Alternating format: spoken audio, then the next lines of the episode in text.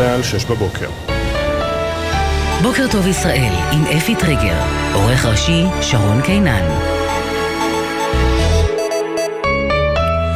שלום לכם. הותרו לפרסום שמותיהם של שני חללי צה"ל, הודעה נמסרה למשפחותיהם. סרן במילואים עמרי יוסף דוד, בן 27 מכרמיאל, סגן מפקד פלוגה בגדוד 9217, חטיבה 12, חטיבת הנגב. הוא נפל אתמול בקרב בצפון הרצועה. סרן ידידיה אשר לב, בן 26 מטל מנשה, סגן מפקד פלוגה בגדוד שקד, חטיבת גבעתי, נפל אתמול בצפון הרצועה. כמו כן, קצין לוחם מגדוד 82, חטיבה 7, נפצע קשה בקרבות בצפון הרצועה. הרצועה, ולוחם צה"ל מגדוד שקד, חטיבת גבעתי, נפצע קשה בקרבות. לוחם צה"ל מגדוד 932, חטיבת הנחל, ומפקד בית הספר להנדסה קרבית נפצעו קשה, כלומר ארבעה פצועים קשה שפונו לבתי חולים ומשפחותיהם עודכנו. צה"ל פועל אה, בשעות האחרונות בחלק מסוים כהגדרתו של בית החולים שיפא שברצועה. דובר צה"ל עדכן רשמית כי הכוחות כוללים צוותים רפואיים כדי להימנע מפגיעה באזרחים המשמשים את חמאס כמגן אנושי. הנהלת בית החולים שיפא קיבלה הודעה טרם הכניסה הישראלית למתחם. בצה"ל הוסיפו כי לפני הפעולה נעשו מאמצים לפינוי בית החולים ובהמשך יועברו לשיפא אינקובטורים, ציוד רפואי ומזון לתינוקות. פיטר לרנר, דובר מטעם צה"ל התקשורת הזרה אמר בריאיון ל-CNN לפני שעות אחדות, פועלים בשאיפה לשחרר חטופים. We're not overrunning the hospital, but we are conducting a very precise and targeted operation against a specific location where we have intelligence in order to defeat Hamas and perhaps um, rescue hostages. אנחנו לא פולשים לבית החולים, מדובר במבצע מדויק בנוגע למיקום מסוים בבית החולים שיש לנו מידע מודיעיני לגביו, כדי להשמיד את חמאס ואולי לחצ... לחלץ חטופים, כך לרנר. גורם מטעם המועצה לביטחון לאומי בבית הלבן אמר הלילה לסוכנות רויטרס, אנחנו לא רוצים לראות קרב יריות בבית החולים.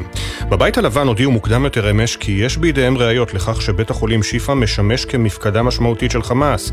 דובר המועצה לביטחון לאומי, ג'ון קרבי, הוסיף שברשות ארצות הברית מידע ולפיו חמאס והג'יהאד האיסלאמי השתמשו בבתי חולים להחזקת חטופים.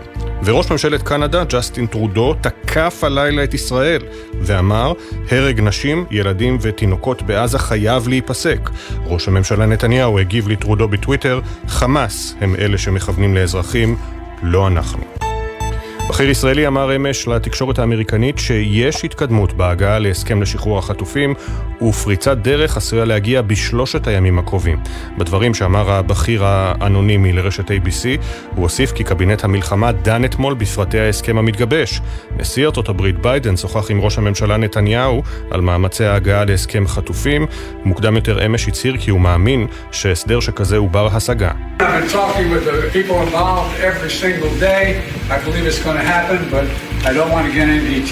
אני משוחח מדי יום עם האנשים המעורבים במשא ומתן לשחרור החטופים.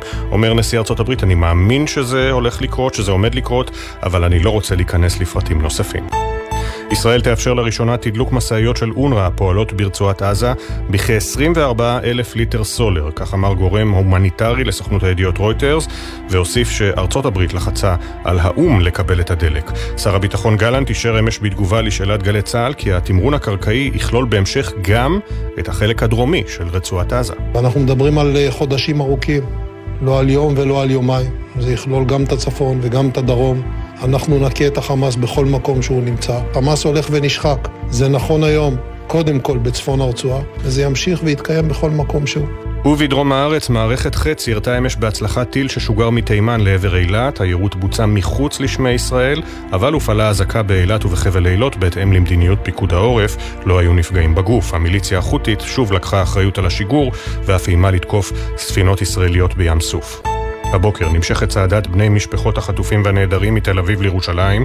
לאחר שצעדו אמש 23 קילומטר, הם ימשיכו היום מבאר יעקב עד לבית חשמונאי. ברקע הדיווחים לעסקה עם חמאס, המשפחות קיימו אמש מסיבת עיתונאים בקריאה להסכם מיידי לשחרור החטופים. הנה שלי שם טוב שבנה עומר נחטף לעזה. ביבי, גנץ וגלנט, פישלתם! אנחנו רוצים את הילדים שלנו בבית היום! אנחנו נשרוף את המדינה עד שהם יחזרו הביתה! הצעדה צפויה להסתיים במוצאי שבת בעצרת מול משרד ראש הממשלה בירושלים. בהמשך בוקר טוב ישראל אה, נהיה בשידור ישיר עם פתיחת יום הצעידה השלישי.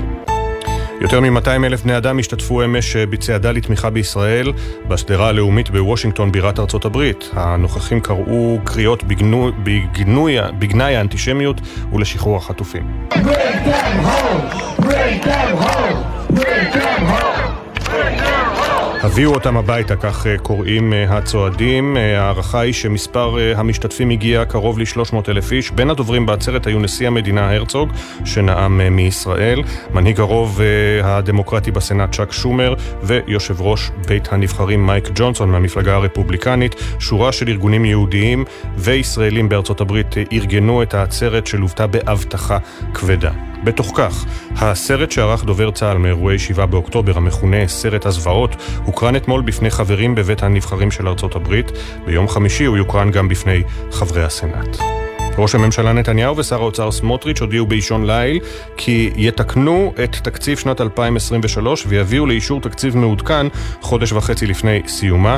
על פי ההודעה, התקציב החדש יבוסס על הגדלת הגירעון, קיצוצים במשרדי הממשלה ושינויים בהסטת הכספים הקואליציוניים. לא פורטו מהם השינויים הצפויים. מזג האוויר מעונן חלקית, תיתכן גשם מקומי ברובו קל בצפון הארץ ובמרכזה, תחול ירידה קלה נוספת בטמפרטורות. בחסות ביטוח ישיר, המציע דחייה בחודשיים של תשלומי ביטוח הרכב למחדשי הביטוח ולמצטרפים חדשים. ביטוח ישיר, איי-די-איי חברה לביטוח, כפוף לתקנון. בחסות אוטודיפו, המציע מצברים לרכב עד השעה תשע בערב בסניפי הרשת, כולל התקנה חינם. כי אין סיבה לשרוף את שישי במוסך. אוטודיפו. בוקר טוב ישראל עם אפי טריגר. 607 גלי צה"ל יום אה, רביעי, 15 בנובמבר 2023, ב' בכסלו תשפ"ד, הרבה מאוד חדשות במהלך הלילה. צה"ל החל לפעול בבית החולים שיפא. אה, פעולה בחלק מבית החולים, כך על פי הודעה רשמית של אה, דובר צה"ל. ובדקות האחרונות, שוב ההודעה הקשה, הודעה על שני חללים שנפלו אתמול בקרבות בצפון הרצועה. דורון קדוש, כתבנו לענייני צבא וביטחון, שלום. שלום אפי, כן, נפתח עם אה, שמותיהם של שני חללי צה"ל ששמותיהם הותרו לפרסום לפני זמן קצר, סרן במילואים עמרי יוסף דוד, בן 27 מכרמיאל, סגן מפקד פלוגה בגדוד 9217 בחטיבה 12 חטיבת הנגב, שנפל אתמול בקרב בצפון רצועת עזה, וסרן ידידיה אשר לב, בן 26 מטל מנשה בצפון השומרון, סגן מפקד פלוגה בגדוד שקד של חטיבת גבעתי, גם הוא נפל אתמול בקרב בצפון הרצועה. בנוסף לשני החללים ששמותיהם הותרו הבוקר לפרסום אפי, יש עוד קצין ושלושה לוחמי צה"ל שנפצעו באורח קשה בקרבות השונים בצפון הרצועה, וגם הודעה נמסרה לבני משפחותיהם. וכאמור, באישון ליל, דובר צה"ל מודיע רשמית על אה, שלב חדש במבצע פעולה בתוך בית החולים שיפא. נכון, אחרי המתנה של כמה וכמה ימים, הדרג המדיני נתן את האור הירוק. אה, שר הביטחון גלנט רמז לזה כבר אתמול, כשהוא אמר, אישרתי לצה"ל תוכניות להמשך הפעולה בימים הקרובים, והנה אנחנו רואים את התוכניות האלה יוצאות לפועל, וכוחות צה"ל פועלים במהלך השעות האחרונות, מהשעה שתיים בלילה בערך, נגד אה, חלק מסוים של בית החולים שיפא, כשדובר צה"ל הודיע שהפעולה הזו מבוססת על מידע מודיעיני ועל צורך מבצעי. עכשיו, מעניין לשים לב, אפי, שבהודעה שדובר צה"ל פרסם בעברית, לא מפורט מהו אותו צורך מבצעי, אבל בהודעה שהוא פרסם באנגלית נכתב שצה"ל עורך את הפעולה הזו כדי לחלץ את בני הערובה שלנו, כך אה, מסר דובר צה"ל באנגלית לתקשורת הזרה. אנחנו לא יודעים להגיד בשלב הזה, אפי עדיין, האם יש ב- בידי ישראל מידע מודיעיני קונקרטי על כך שיש חטופים בבית החולים שיפא, או במרתפים ובמפקדות של חמאס מתחתיו, אבל אה, מן הסתם הדברים האלה עוד ייבדקו ויתבררו בהמשך. שנגיד עוד שצה"ל הבהיר גם כמובן שהפעולה שלו לא נועדה לפגוע בחולים או בצוותים הרפואיים או באזרחים ששוהים בבית החולים. צה"ל גם הבהיר איך לפני הפעולה הזו הוא ניסה לפנות את בית בית החולים כמה וכמה פעמים, הוא אפילו הודיע אתמול לגורמים הרלוונטיים שהם צריכים להפסיק את כל הפעילות הצבאית בתוך בית החולים תוך 12 שעות, אבל זה לא קרה.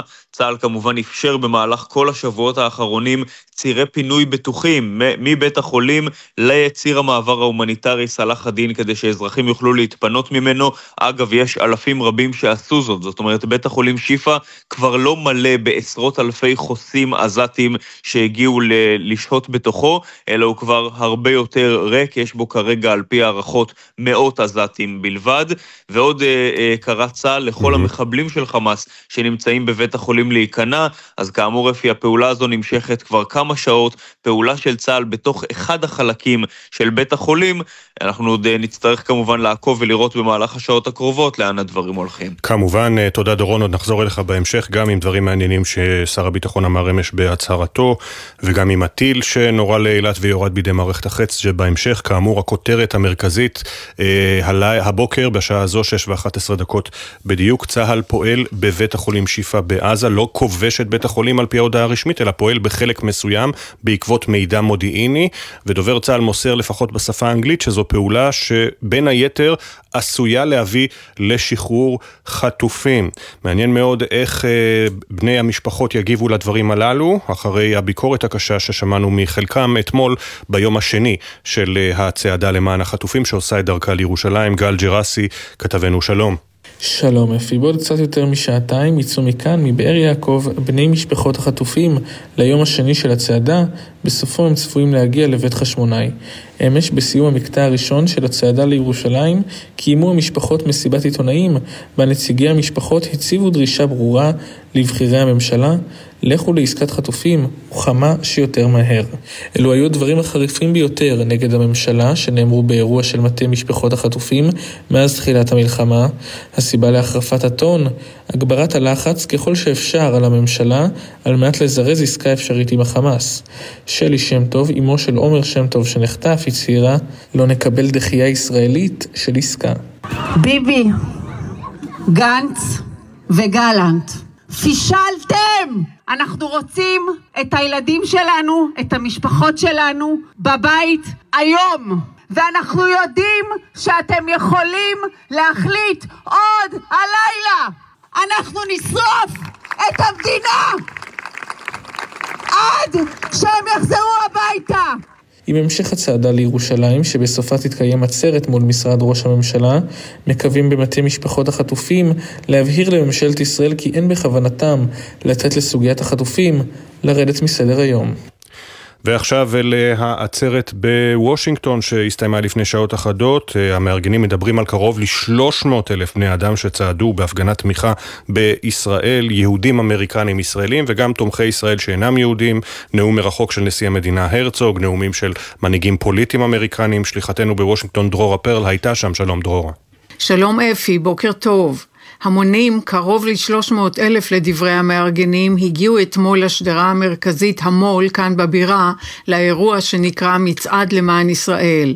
מול במת ענק עם דגלי ארצות הברית וישראל, שרבים גם התעטפו בהם, התכנסו אמריקנים, ישראלים ותומכים מכל צבעי הקשת הפוליטית, כדי להביע תמיכה בישראל, נחישות במאבק נגד האנטישמיות ולדרוש את שחרור החטופים המוחזקים בעזה. הנשיא הרצוג נאם בשידור שהוא עבר מהכותל, בו הודה לנשיא ביידן, לממשל ולקונגרס על תמיכתם הנחרצת בישראל. מחוקקים אמריקנים, אנשי הקהילה היהודית ובני משפחות של החטופים נאמו בעצרת.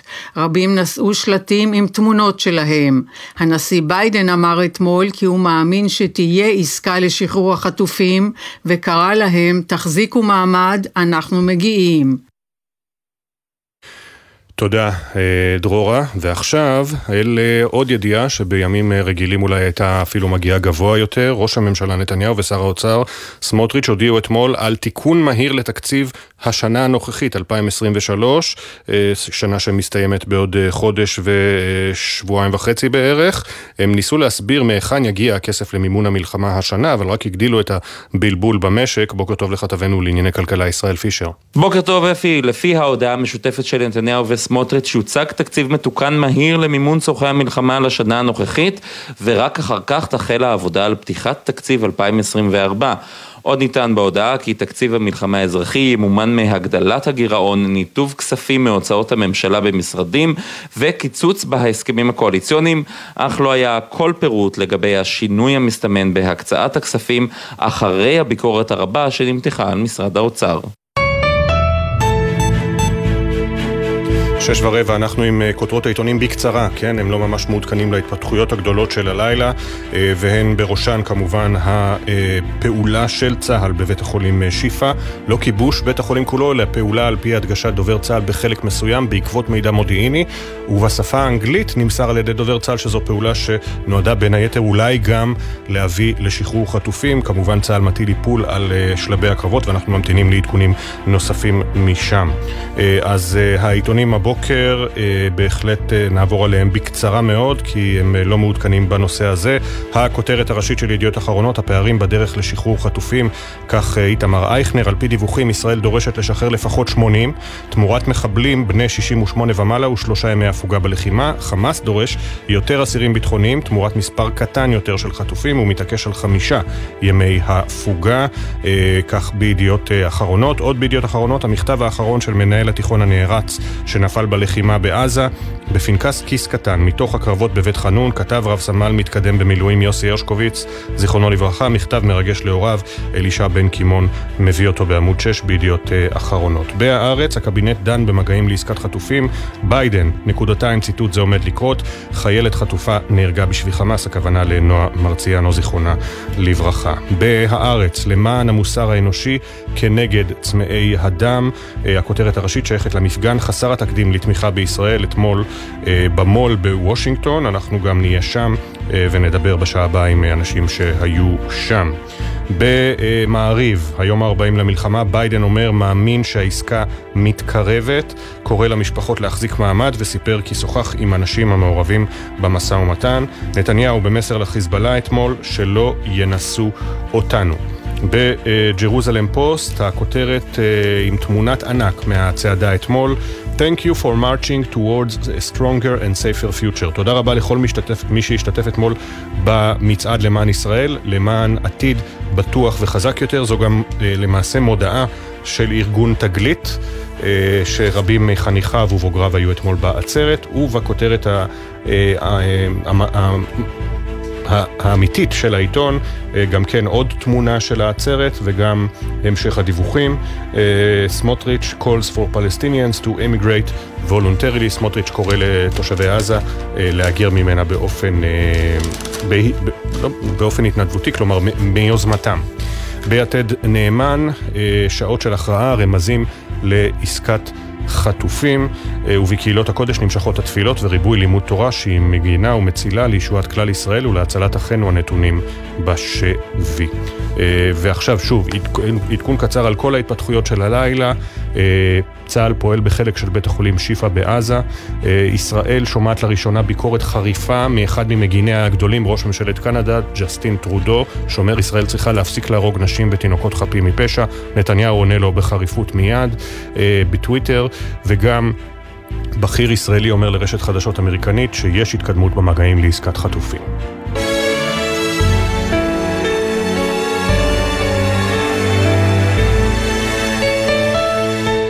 כך אה, בהתפתחויות האחרונות כאמור, ודקות אחדות לפני אה, השעה שש הגיעה גם הבשורה המרה על נפילתם של שני קציני צה"ל אתמול בלחימה בעזה, סרן במילואים עמרי יוסף דוד, בן 27 מכרמיאל, סגן מפקד פלוגה בגדוד 9217 חטיבה 12, סרן ידידיה אשר לב, בן 26 מטל מנשה, סגן מפקד פלוגה בגדוד שקד, חטיבת גבעתי, שניהם נפלו אתמול בקרבות בצפון הרצועה. הודעות כמובן נמסרו למשפחותיהם, הלווייתו של ידידיה תיארך אה, היום בשתיים אחר הצהריים בבית העלמין האזרחי שקד בחיננית. על מועד הלווייתו של עמרי שקד תבוא הודעה בנפרד. עוד ארבעה לוחמים אה, וקצינים נפצעו אתמול קשה בקרבות. הודעות נמסרו גם למשפחותיהם. וכאמור, צה"ל פועל בשעות האחרונות מאז אה, אישון ליל בבית החולים שיפא בעזה, התפתחות דרמטית גדולה, ואנחנו חוזרים אליך, דורון קדוש, כתבנו הצבאי, עם עוד עדכונים. שוב שלום, דורון. כן, אפי, שוב שלום.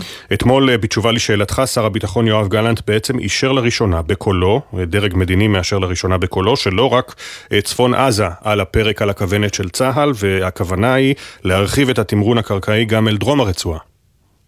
נכון אפי, ותראה, עד עכשיו היו אה, רמיזות בעניין הזה, והיה אה, אולי אה, ברור שלשם זה הולך, אבל עכשיו בפעם הראשונה באמת גורם בכיר בישראל מודיע בפומבי שהתמרון הקרקעי של צה"ל, שמתנהל כרגע בצפון רצועת עזה, הוא רק החלק הראשון, ויידרש גם לתמרן אה, בדרום הרצועה, זאת אומרת באזורים שמדרום לנחל עזה, אה, נגיד שנמצאים שם כמובן ח'אן יונס ורפיח ודיר אל-בלח ומחנה נוסירת, אנחנו לא יודעים בדיוק מה התוכניות המבצעיות של צה"ל לאזור הזה, והאם צה"ל ירצה לתמרן בכל האזור הזה או רק בחלקו, אבל שר הביטחון גלנט הבהיר אה, בתשובה לשאלתנו אתמול, התמרון יימשך חודשים ארוכים, והוא יכלול גם את הצפון וגם את הדרום. אנחנו נפרק את החמאס בכל מקום שהוא נמצא, זה נכון בצפון הרצועה, וזה ימשיך להתקיים בכל מקום שהוא, כלומר, אפי, שר הביטחון כאן מכין את כולנו, גם את הציבור, אולי גם מעביר איזשהו מסר לעולם אה, שלוחץ מבחינה, אה, מבחינת אה, שעון הזמן המדיני שיש למדינת ישראל לפעול כאן, שהתמרון הקרקעי לא עומד להסתיים בשבועות הקרובים, אלא יידרשו לו כנראה עוד כמה חודשים, אפילו מעבר לכך. ועוד התפתחות אתמול, אזעקות באילת אה, בשעת ערב, אה, לא היו נפגעים בגוף. אה, שוב, טיל שיורים החות'ים מתימן ומיורט מחוץ לשטח ישראל על ידי מערכת החץ.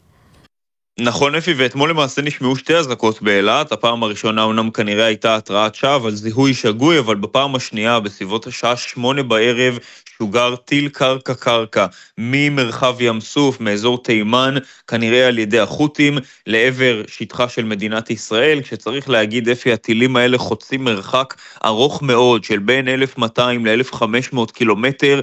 ישראל צריכה בזמן הזה קודם כל לגלות אותם, להבין שיש כאן איזשהו איום ולשגר אליהם את המיירטים, אז בשלב, במקרה הזה, שוב שוגר אל הטיל הזה של החות'ים מיירט מסוג חץ, שמופעל פעם נוספת בהצלחה מתחילת המלחמה, שצריך להגיד אפי עד עכשיו בכל ההפעלות המבצעיות של מערכת חץ מתחילת המלחמה היא הצליחה ליירט, כלומר 100% הצלחה למערכת הזו, הטיל יורט מחוץ לשטח ישראל, מעל הים האדום, לא התקרב לתוך שטחה של העיר אילת, למרות שהופעלו שם אזעקות, ודובר צה"ל מסר שלא נשק... לא נשקף איום או לא נשקפה סכנה לאף אחד מתושבי האזור. תודה דורון. לפני שנפרדים בוא עדכן אותנו שוב בקצרה על מה שאנחנו יודעים על הפעולה הדרמטית שהחלה פעולה בתוך בית החולים שיפא בעזה בהודעה רשמית של צה"ל, לא על פי גורמים פלסטינים או דיווחים, מהש... הודעה רשמית של דובר צה"ל, בקצרה. נכון אפי, נגיד שהפעולה הזו בבית, בבית החולים שיפא היא באחד המתחמים, בחלק מסוים של בית החולים שיפא, אבל כן מעניין דווקא לראות מה אנחנו לומדים מהדיווחים הפלסטינים, כשמנהל בית החולים שיפא מסר לתקשורת שצה"ל נכנס אל תוך מחלקת המיון של בית החולים שיפא, hmm. ומתוך מחלקת המיון הגיע אל המרתף של בית החולים, וכרגע פועלים במרתף, זה לא צריך להפתיע אותנו, כי מן הסתם אפי, סביר להניח שהמפקדה של חמאס שם נמצאת מתחת לקרקע, ולכן זה האזור שבו צה"ל פועל כרגע בבית החולים. אכן שעות דרמטיות אה, מאחורינו ועוד לפנינו. תודה, דורון, בשלב הזה. תודה. כמובן כל הזמן עוקבים אחרי הדיווחים שמגיעים משם. בינתיים, עוד עניינים שקשורים למלחמה ולכלכלה של המלחמה, האם אנחנו בפתחו של משבר בענף הנדל"ן. שוק הדירות חזר לדשדש עוד בספטמבר, שבועות לפני שהחלה המלחמה. חודש אוקטובר כמובן היה רחוק מלהחזיר את השוק למסלול, ועל פי נתונים שהתפרסמו אתמול, גם מספר הדירות שעוד נותרו אה, ללא מכירה גבוה במיוחד. כתבתנו עינב קרנר, שלום. שלום אפי ובוקר טוב, אכן הלשכה המרכזית לסטטיסטיקה פרסמה אתמול נתונים מדאיגים, לפיהם עולה כי היצע הדירות החדשות שטרם נמכרו עמד על יותר מ-61 אלף בסוף ספטמבר, ככל הנראה הנתון הגבוה אי פעם, כי שליש מהדירות שלא נמכרו במחוז תל אביב וכרבע מהן במחוז המרכז. עוד עולה מהנתונים כי ברבעון השלישי של השנה נמכרו כ-7,700 דירות, נתון מעודד שמצביע על עלייה של 14% ביחס לרבעון השני של השנה, עם זאת, בחודש ספטמבר לבדו נמכרו רק 2,160 דירות, נתון המבטא ירידה של יותר מ-30% ביחס לאוגוסט וירידה של יותר מ-25% ביחס לספטמבר אשתקד. בפילוח הגיאוגרפי מחוז הדרום מוביל בפער גדול את היקפי מכירת הדירות החדשות, אחריו מחוז המרכז ומחוז הצפון.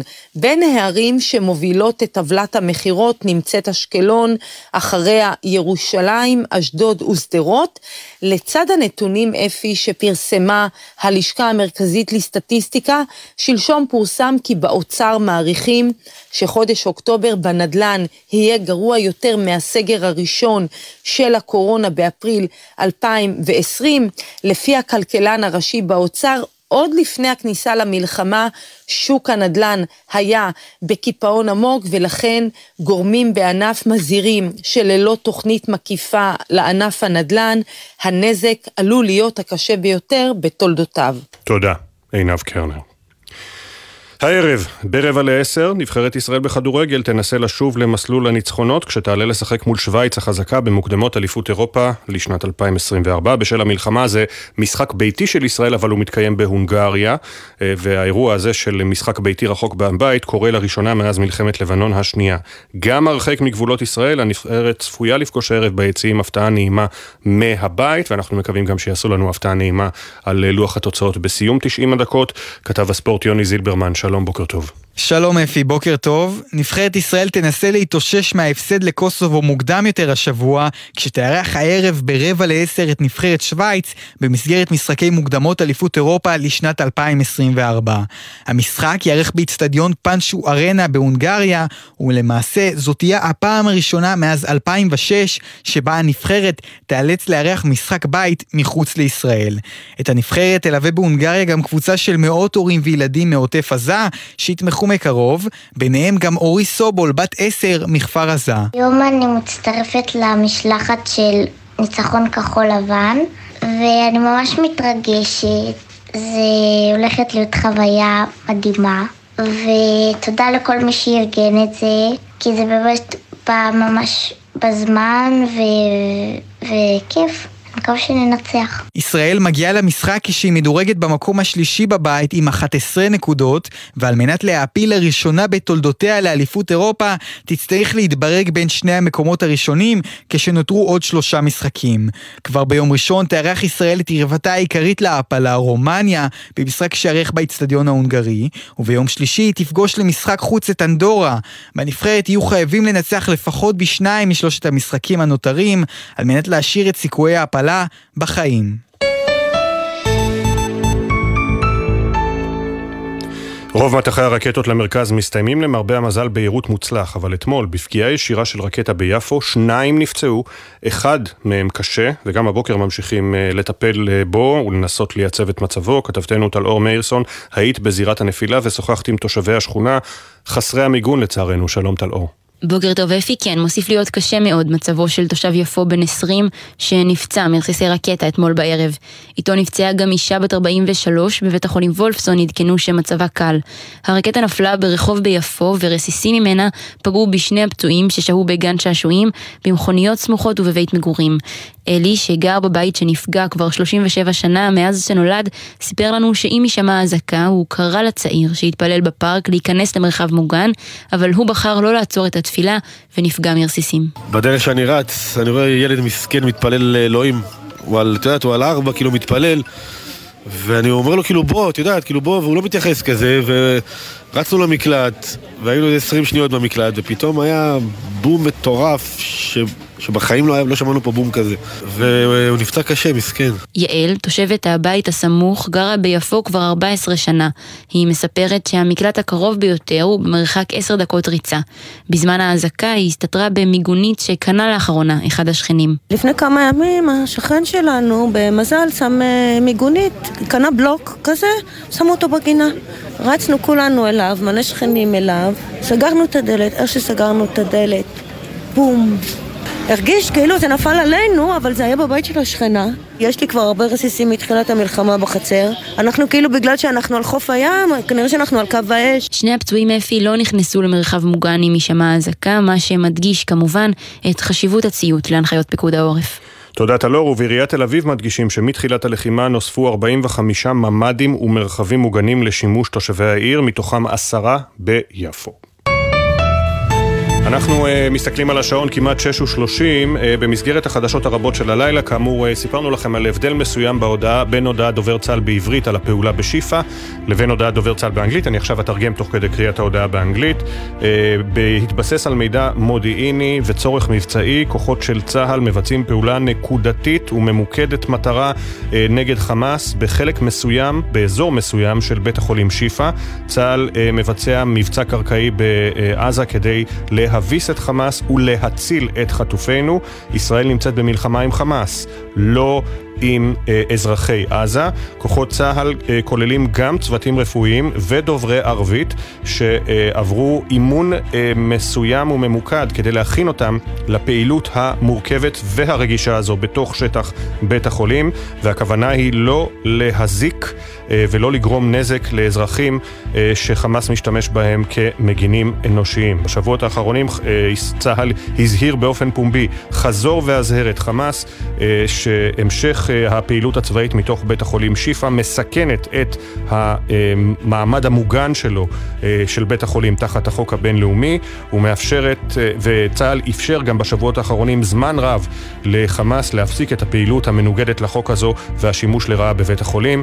אתמול צה"ל העביר את המסר שוב לרשויות הרלוונטיות בעזה, המסר שכל הפעולות הצבאיות בסביבת בית החולים צריכות להסתיים להסתיים, אה, והפעולות הצבאיות של חמאס בסביבת בית החולים צריכות להסתיים תוך 12 שעות, כלומר צה"ל העניק לחמאס 12 שעות להפסיק לפעול מבית החולים שיפא. Unfortunately it did not, למרבה הצער חמאס לא נענה להצהרה אה, הזו של דובר צה"ל. עכשיו 6.31 ועוד חצי דקה, הכות... אנחנו נצא לכמה הודעות ומיד הכותרות.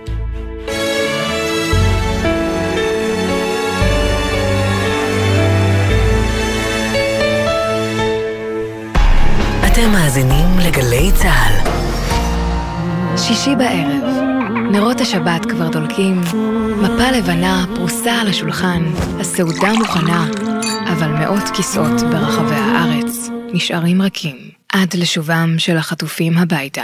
גלי צה"ל מקדישה שעה בכל ליל שבת לסיפורים האישיים של החטופים, השירים שהם אוהבים וההקלטות בקולם, כאילו היו פה איתנו.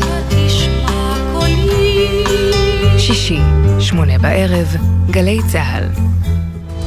עכשיו בגלי צה"ל, אפי טריגר, עם בוקר טוב ישראל. 6.32 הכותרות. הבוקר הותרו לפרסום שמותיהם של שני חללי צה"ל, הודעות נמסרו למשפחותיהם. סרן במילואים עמרי יוסף דוד, בן 27, מכרמיאל, סגן מפקד פלוגה בגדוד 9217, חטיבה 12, חטיבת הנגב, הוא נפל בקרב בצפון הרצועה.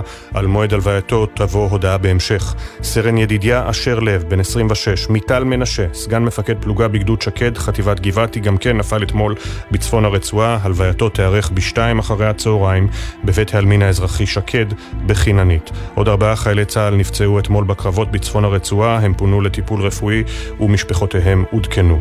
צה"ל פועל בשעות האחרונות באזור מסוים של בית החולים שיפא ברצועת עזה.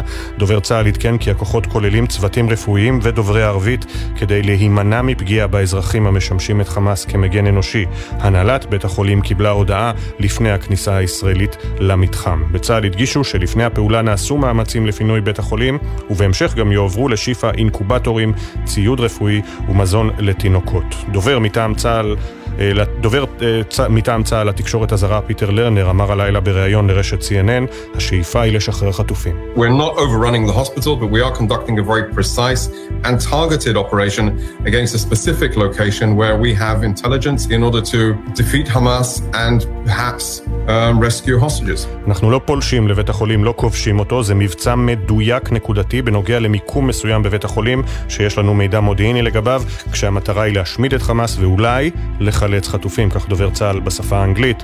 גורם מטעם המועצה לביטחון לאומי בבית הלבן אמר הלילה לסוכנות רויטרס, איננו רוצים לראות קרב יריות בבית החולים. בבית הלבן הודיעו מוקדם יותר אמש כי יש בידיהם ראיות לכך שבית החולים שיפא משמש כמפקדה משמעותית של חמאס. דובר המועצה לביטחון לאומי ג'ון קרבי הוסיף כי ברשות ארצות הברית מידע ולפיו חמאס והג'יהאד האיסלאמי השתמשו בבתי חולים להחזקת חטופים. בתוך כך, ישראל תאפשר לראשונה תדלוק משאיות של אונר"א הפועלות ברצועת עזה בכ-24 אלף ליטר סולר. גורם הומניטרי הוסיף בשיחה עם סוכנות רויטרס שארצות הברית לחצה על האו"ם לקבל את הדלק. והלילה, אחרי שהגן על ישראל מתחילת המלחמה, ראש ממשלת קנדה, ג'סטין טרודו, תקף אותה בחריפות ואמר, הרג הנשים, הילדים והתינוקות בעזה חייב להיפסק. ראש הממשלה בנימין נתניהו הגיב לטרודו ב-X, לשעבר טוויטר, חמאס הם אלה שמכוונים לאזרחים, לא אנחנו. בכיר ישראלי אמר אמש לתקשורת האמריקנית שיש התקדמות אה, במגעים להסכם לשחרור החטופים ופריצת דרך עשויה להגיע בשלושת הימים הקרובים. בדברים שאמר הבכיר לרשת ABC הוא הוסיף כי קבינט המלחמה דן אמש בפרטי ההסכם המתגבש. נשיא ארצות הברית ג'ו ביידן שוחח שוב אמש עם ראש הממשלה בנימין נתניהו על מאמצי ההגעה להסכם חטופים.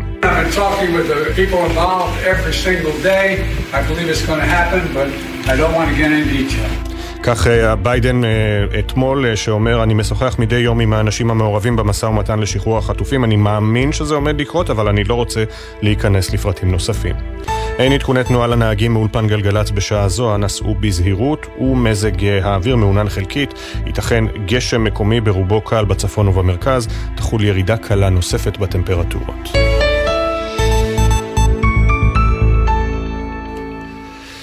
קשה, קשה אה, להבין את אה, האטימות וקושי אה, הלב בסיפור של אלינה פלחטי, שנקברה מחוץ לבית העלמין כי לא השלימה את הליך הגיור שלה. אלינה נפלה ב-7 באוקטובר ויואלי ברים כתבנו שוחח עם אולגה, אימה. לחוויה המקוממת אותה עברה משפחת פלחתי קשה להאמין. בקול חנוק ולב דומע מספרת לנו האם אולגה, שבתה אלינה שנרצחה במסיבה ברעים והייתה בתהליכי גיור שלא הושלמו, נגברה מחוץ לגדר של בית העלמין בית שאן, כל זה בשם ההלכה היהודית. בזמן הכי קשה לה, המתנהגות הייתה לא טובה. איזשהו בן אדם ממועצה הדתי של בית שאן אומר לבן שלי שהוא בדק ואין אפשרות לקבור אותה בבית העלמין של יהודים. אני רציתי להגיד לכם שאלינה נרצחה כיהודייה. המקרה הזה שבר את המשפחה. אלינה גם נדלקה נרות, גם עשה הפרשת חלום. הבן שלי הגדול, הוא סיים גיור, הוא מתחתן עם רב, עם חופה, ואחרי שקברו הבת שלי בצורה כזאת, פשוט שברו לי משפחה. את המדיניות המשפילה הזו חוותה גם משפחת קפטישר מדימונה. האבא ג'ני, האמא דינה והילדים אלין ואיתן נרצחו. האב נקבר מחוץ לגדר בית העלמין בדימונה. הסבא והסבתא החליטו ששאר בני המשפחה ייקברו לידו, למרות שהיו זכאים לקבורה בתוך בית העלמין. ההשפלות הללו התרחשו רק בשל חומרות הלכתיות.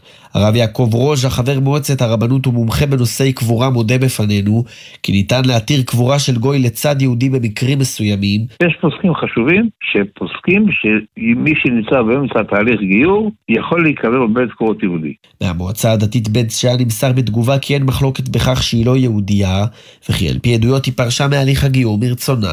מהמועצה הדתית דימונה לא נמסרה תגובה.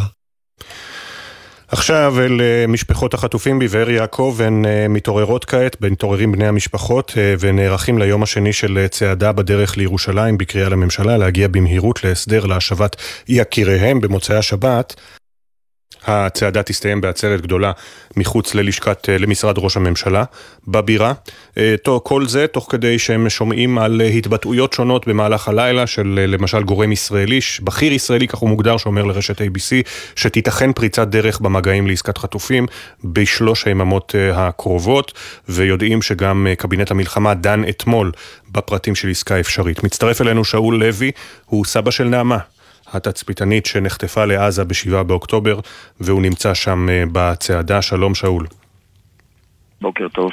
בוקר טוב. קודם כל באמת אה, אני מניח ששמעתם את הדיווחים אה, שהם לא רשמיים, אבל גורמים ישראלים, גורם ישראלי בכיר אומר, יש התקדמות במשא ומתן, יש מגעים. מה אתה חושב? אני שומע את זה ממך הפעם הראשונה, וקודם כל אני בהחלט אה, מברך על כך. אני לא, לא מגלה יותר מדי ציפיות כדי שהאכזבה לא תהיה, אבל אני חושב שזה אחת המטרות של המצעד, צעדה שאנחנו מקיימים כרגע, על מנת לעודד וללחוץ על הגורמים המתאימים כדי שבאמת יקדמו את הנושא. זה בדיוק הדבר שאנחנו מצפים לו. ספר לנו על uh, היום הראשון של הצעדה אתמול. אנחנו התחלנו בכיכר החטופים בתל אביב. Uh, הייתה המון תקשורת. אני uh, פעם ראשונה שרואה באמת כמות כזאת של אנשים שמחליטים פשוט לצעוד ולעשות את זה במהלך הימים הקרובים על מנת אה, ליצור את המודעות ובעיקר בעיקר לגרום לכך שהציבור יהיה איתנו. אני חושב ש... מהרבה בחינות, כאשר שואלים אותי, וכולנו, משפחות החטופים, נשאלים מה אפשר לעזור. וכשהתשובה שלי במקרה כזה, זה פשוט להצטרף אלינו. אנחנו צעדנו אתמול 20 אה, קילומטר לפחות מתל אביב ועד באר יעקב, הגענו מאוחר מלוחות הזמנים שקבעו, אבל בכל מקום חיכו לנו, חיכו לנו תושבים, אנחנו עברנו דרך אה, יישובים, כאשר אה, ראית את ההתרגשות של הציבור הרחב שעומד ומחכה ומעודד. ואני חושב שמבחינה הזאת זה מאוד מחמם את הלב. כשאני חושב לעצמי בעצם, אני כרגע עדיין בתוך האוהל ומתארגן לקראת המשך היום השני, וכששואלים אותי במה אפשר לעזור, אז המסר שלי הוא מאוד פשוט, בואו תצטרפו אלינו. זה, אני חושב, האירוע של משפחות החטופים הכי משמעותי שיש. ממש ברמה של אה, ללכת ברגל ולגרום לכך שאנשים יבואו ויצטרפו אלינו. זה ייתן את ההבנה שאין שום דבר שיכול לחכות. אנחנו בלחץ של זמן, שעון החול אוזל, ושום תמונת ניצחון לא תהיה משמעותית עד שלא נראה את כל החטופים בבית. וזה באמת הדבר החשוב שאנחנו כולנו מייחלים לו. אני רוצה להגיד לך שפה במקום שאני נמצא כרגע, שיש עשרות אה, אוהלי סיירים, כל אחד מגיח כרגע מהאוהל. זה לא התנאים הכי אופטימליים ל- להעביר את הלילה, אבל זה רק מראה כמה הדבר חשוב לנו. ואני באמת קורא לציבור הרחב, יש את היום, יש את יום חמישי, שישי וגם שבת. תבואו, תצטרפו, תצעדו איתנו. שאול לוי, סבה של נעמה לוי, התצפיתנית שנחטפה לעזה, תודה רבה שדיברת איתנו, ונקווה לבשורות טובות. אנחנו כולנו מייחלים לזה. תודה רבה בוקר לך. בוקר טוב. בוקר טוב. עכשיו, אל אה, מאחורי השמות, ממשיכים במיזם שלנו, מדי בוקר מספרים כאן משהו קצר על כל נרצח ונופל, אנקדוטות שאת חלקן בני משפחה וחברים שלחו לנו. התחלנו את המיזם בדיוק לפני חודש, ועד כה הנצחנו יותר מ-600 נרצחים ונופלים, ואנחנו מתחייבים לעשות זאת על כל אחת ואחד מאחורי השמות.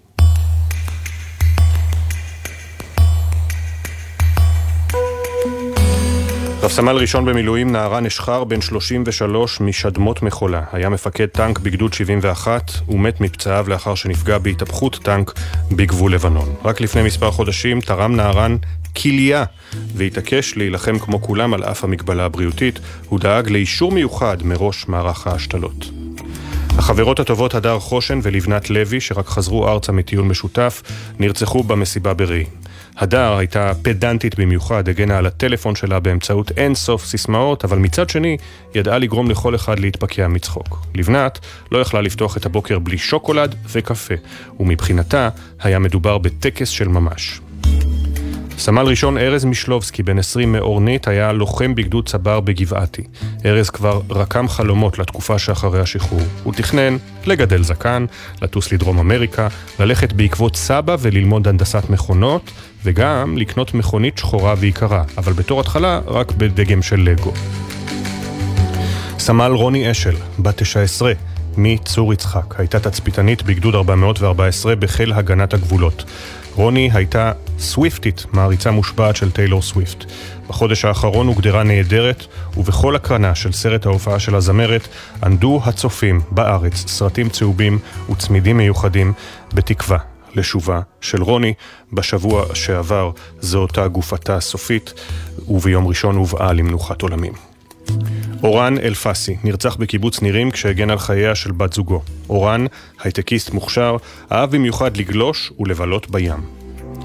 רב סמל במילואים שלו ציון שרעבי, בן 22, מטנא עומרים. היה לוחם הנדסה בגדוד 749 חטיבת ביסלח. מאז השחרור שלו התרכז בהגשמת חלומות. הספיק לטייל בקנדה, לגלוש בשלג בבולגריה, לשפץ את יחידת הדיור שלו, ואפילו החל אה, לעשות את שביל ישראל. יותר מכל, הוא אהב פשוט להיות בטבע. רון ויינברג מיוקנעם נרצח במסיבה ברעים. רון שירת ביחידת עילית במודיעין ואהב טיולים אתגריים. זו הייתה מסיבת הטבע הראשונה שלו, הוא התרגש ולא הפסיק לרקוד ברצף עד שהשמש זרחה עם חיוך על הפנים ואטמים באוזניים. סמל ראשון אברהם נריה כהן, כבן 20 מירושלים, נהרג במסיבה ברעים שבועיים בלבד לפני השחרור מהצבא. אברהם, חייל בודד, היה בשלן מוכשר שאהב יותר מכל להיות מוקף באנשים, לשמוע מוזיקה ולרקוד את החיים. עידן האדרי, בן 36 מקיבוץ הסוללים, נרצח במסיבה ברעים. עידן היה רגיש לסביבתו, ובייחוד לבעלי חיים, ודאג לסייע לחיות נטושות. הוא היה אוהד מושבע של בית"ר ירושלים. סמל תמיר ברק, בן 19 מניר אליהו, היה לוחם בחיל ההנדסה הקרבית ונפל בפעילות מבצעית באזור כיסופים. במשפחת ברק אומרים כעת שהברק הוכה פעמיים. 50 שנה לפני, דודו של תמיר נפל במלחמת יום הכיפורים, והמשפחה צמחה מהשכול. הברקים היו אדומים בנשמה, ופקדו כל שבת את שער חמש. גם תמיר גדל להיות אוהד שרוף של הפועל תל אביב. קים דמתי, בת 22 מגדרה, נרצחה במסיבה ברעים. קים, בעלת טלטלים זהובים, הייתה בנעוריה שחקנית כדורסל, והמדריכה שכל חניך רצה בתנועת הנוער.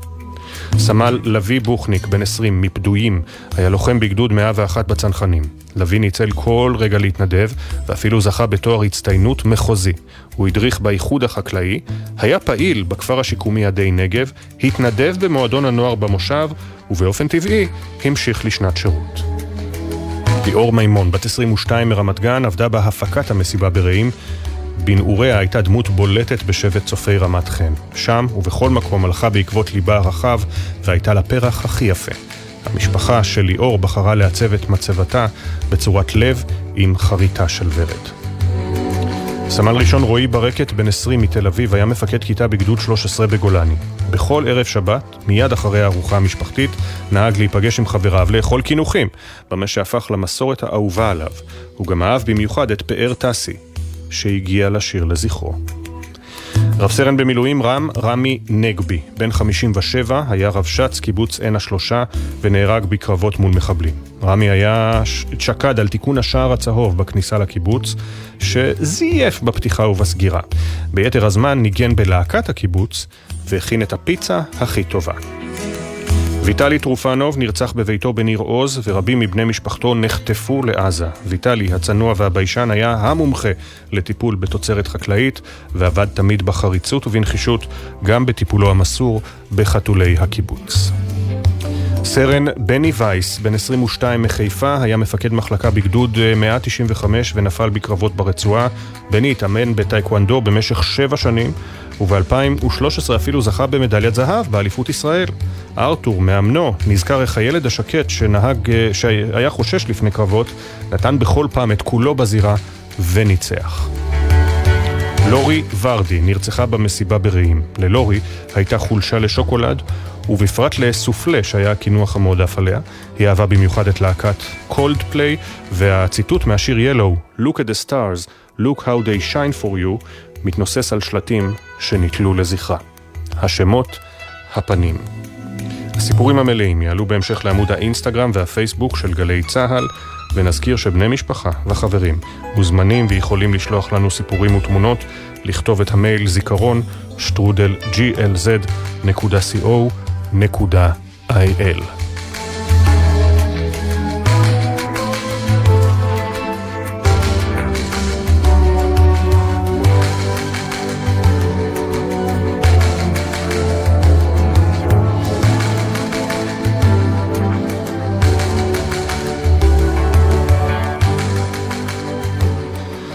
עכשיו אנחנו רוצים לדבר על אה, מצבנו הנפשי. הרבה פעמים אנחנו ככה לוקחים הפסקה מהחדשות המתפרצות כדי אה, לדאוג, אני מודה, גם באופן אגואיסטי לעצמנו, אבל גם לכם, המאזינים שנמצאים איתנו.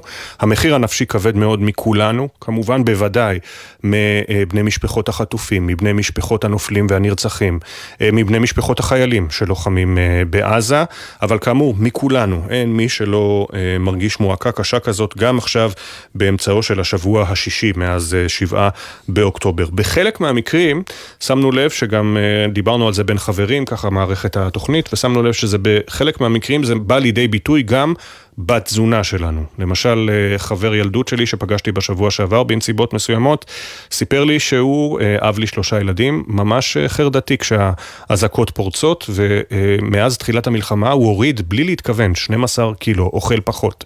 יש אחרים שדווקא אוכלים יותר.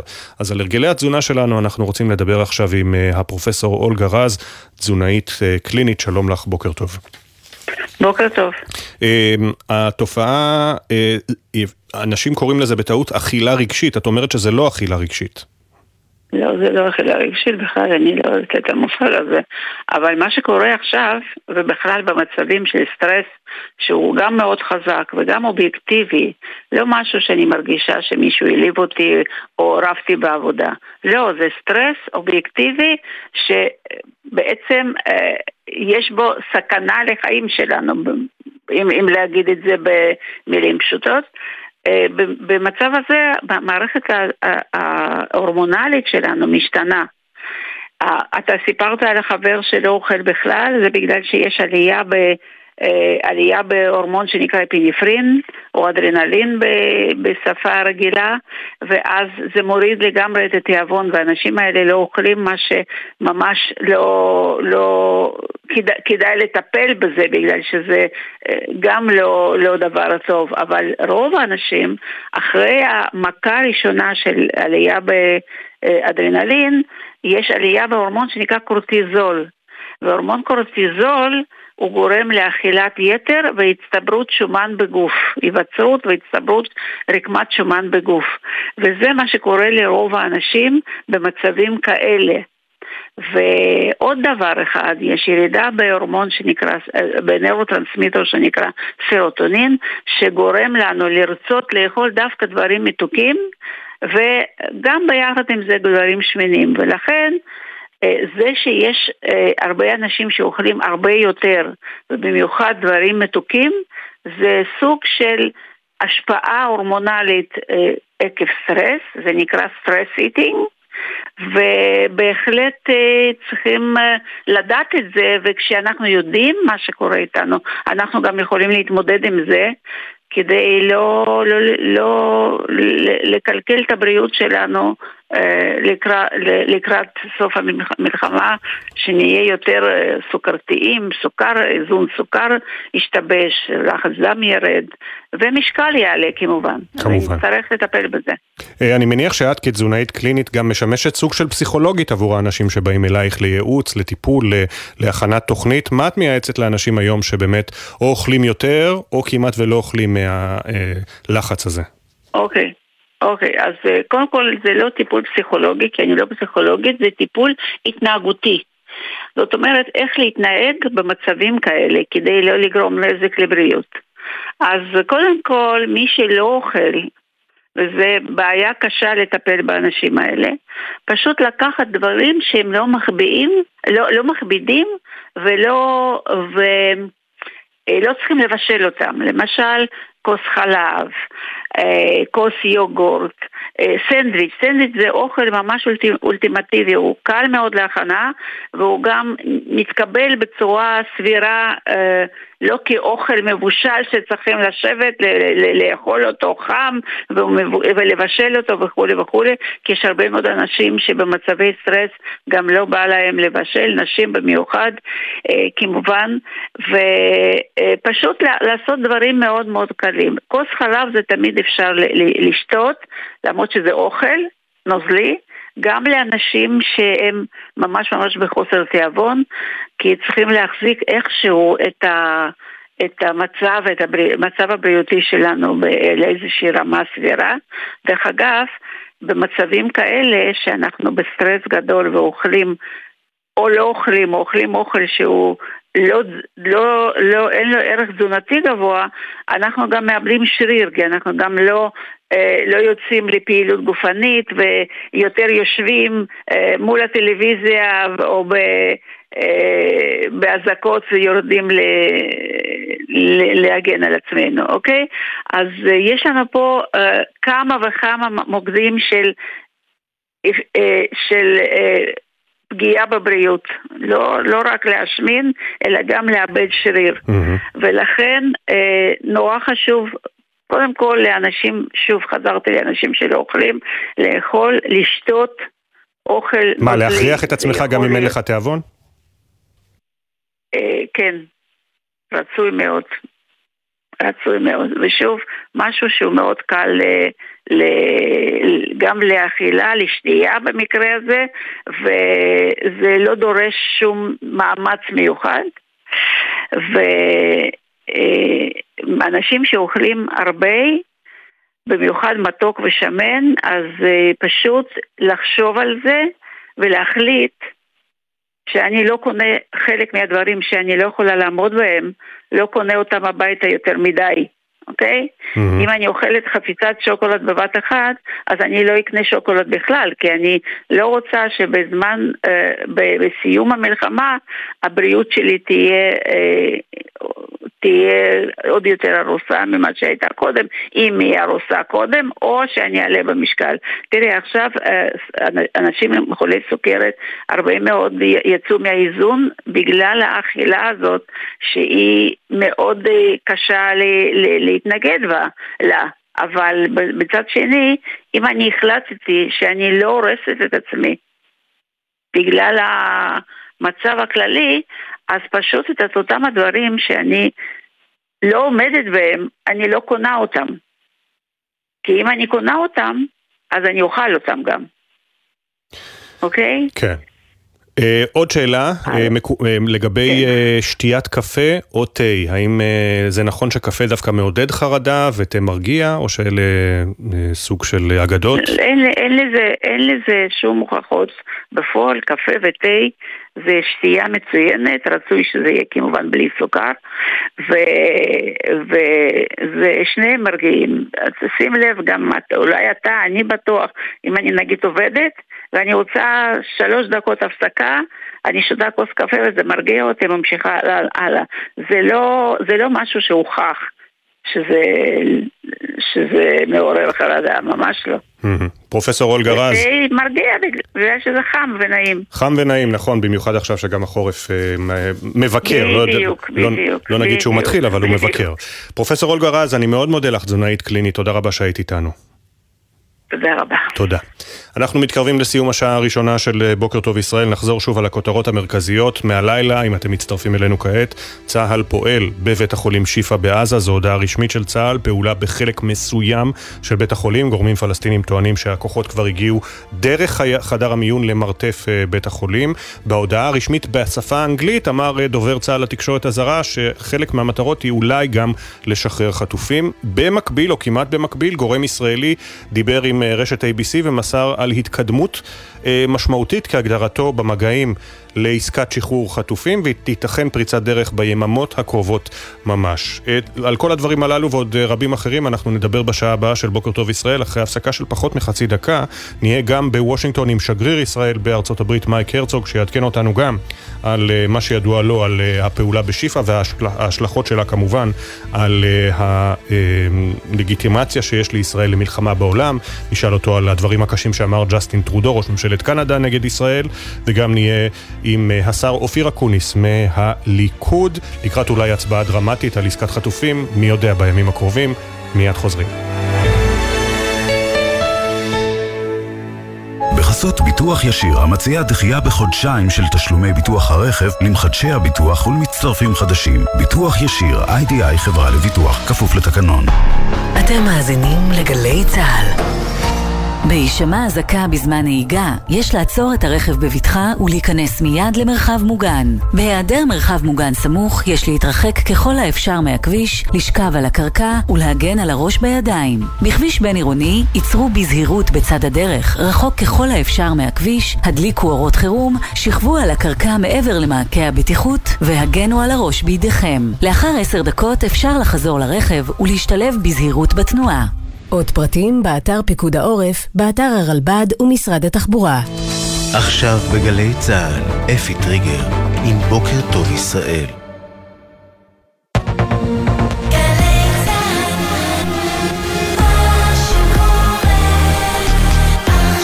שבע בגלי צה"ל קרובים רחוקים, צה"ל מאשר כי הוא פועל בחלק מסוים של בית החולים שיפא, בין היתר כדי לנסות להוביל לשחרור חטופים. שני קציני צה"ל נפלו ביממה האחרונה בקרבות ברצועה, בכיר ישראלי מאשר לתקשורת האמריקנית שיש התקדמות במגעים לעסקה, גם הנשיא ביידן מקווה. כתבי גלי צה"ל ידווחו ונהיה עם השר אה, אופיר אקוניס מהליכוד. צועדים בדאגה.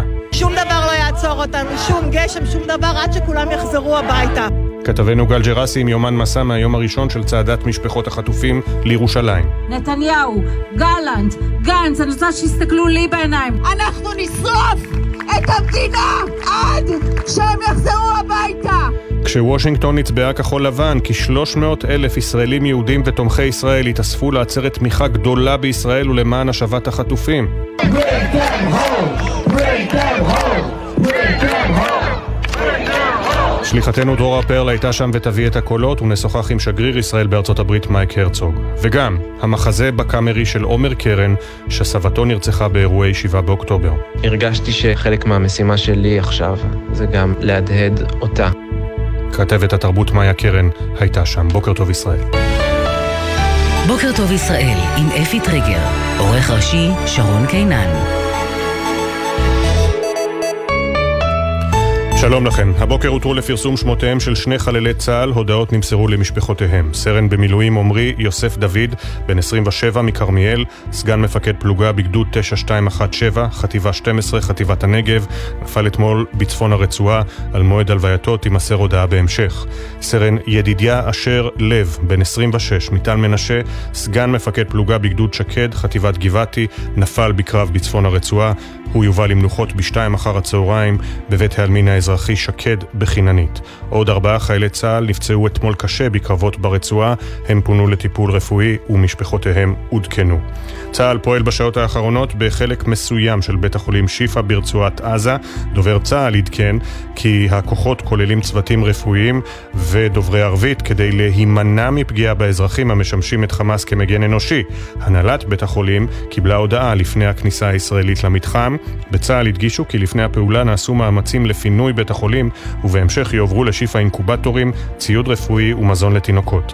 פיטר לרנר, דובר מטעם צה"ל לתקשורת הזרה, אמר הלילה לרשת CNN, פועלים בשאיפה לשחרר חטופים. We're not overrunning the hospital, but we are conducting a very precise and targeted operation against a specific location where we have intelligence in order to defeat Hamas and perhaps um, rescue hostages. אנחנו לא פולשים לבית החולים, מדובר במבצע מדויק בנוגע למיקום מסוים בבית החולים שיש לנו מידע מודיעיני לגביו כדי להשמיד את חמאס ואולי לחלץ חטופים, כך לרנר. גורם מטעם המועצה לביטחון לאומי בבית הלבן אמר הלילה לסוכנות רויטרס, איננו רוצים לראות קרב יריות בבית uh, החולים. מיד יפרסם בבוקר טוב ישראל כתבנו הצבאי דורון קדוש דברים של גורם ביטחוני על הפעולה. הגורם אומר, אנחנו מתחילים בקטן והיא תתרחב ככל שיידרש. ההחלטה של צה"ל נכנסים לשיפא רק אם יודעים בבירור לאן ומה יש שם, כמו שפעלנו בבית החולים רנטיסי. רק כשידענו בפירוש מה יש במרתף שלו מיד, בהמשך המשטר פרטים נוספים. בבית הלבן הודיעו מוקדם יותר אמש כי יש בידיהם ראיות לכך שבית החולים שיפא משמש כמפקדה משמעותית של חמאס. ג'ון קרבי, דובר המועצה לביטחון לאומי, הוסיף שברשות ארצות הברית מידע ולפיו חמאס והג'יהאד האיסלאמי השתמשו בבתי חולים להחזקת חטופים. הלילה, אחרי שתמך בישראל מאז תחילת המלחמה, ראש ממשלת קנדה, ג'סטין טרודו, תקף אותה בחריפות ואמר, הרג הנשים, הילדים והתינוקות בעזה חייב להיפסק. ראש הממשלה נתניהו הגיב לטרודו ברשת החברתית X, חמאס הם אלה שמכוונים לאזרחים, לא אנחנו. בכיר ישראלי אמר אמש לתקשורת האמריקנית שיש התקדמות במגעים להסכם לשחרור החטופים ופריצת דרך עשויה להגיע בשלושת הימים הקרובים. בדברים שאמר הבכיר האנונימי לרשת ABC הוסיף כי קבינט המלחמה דן אתמול בפרטי ההסכם המתגבש.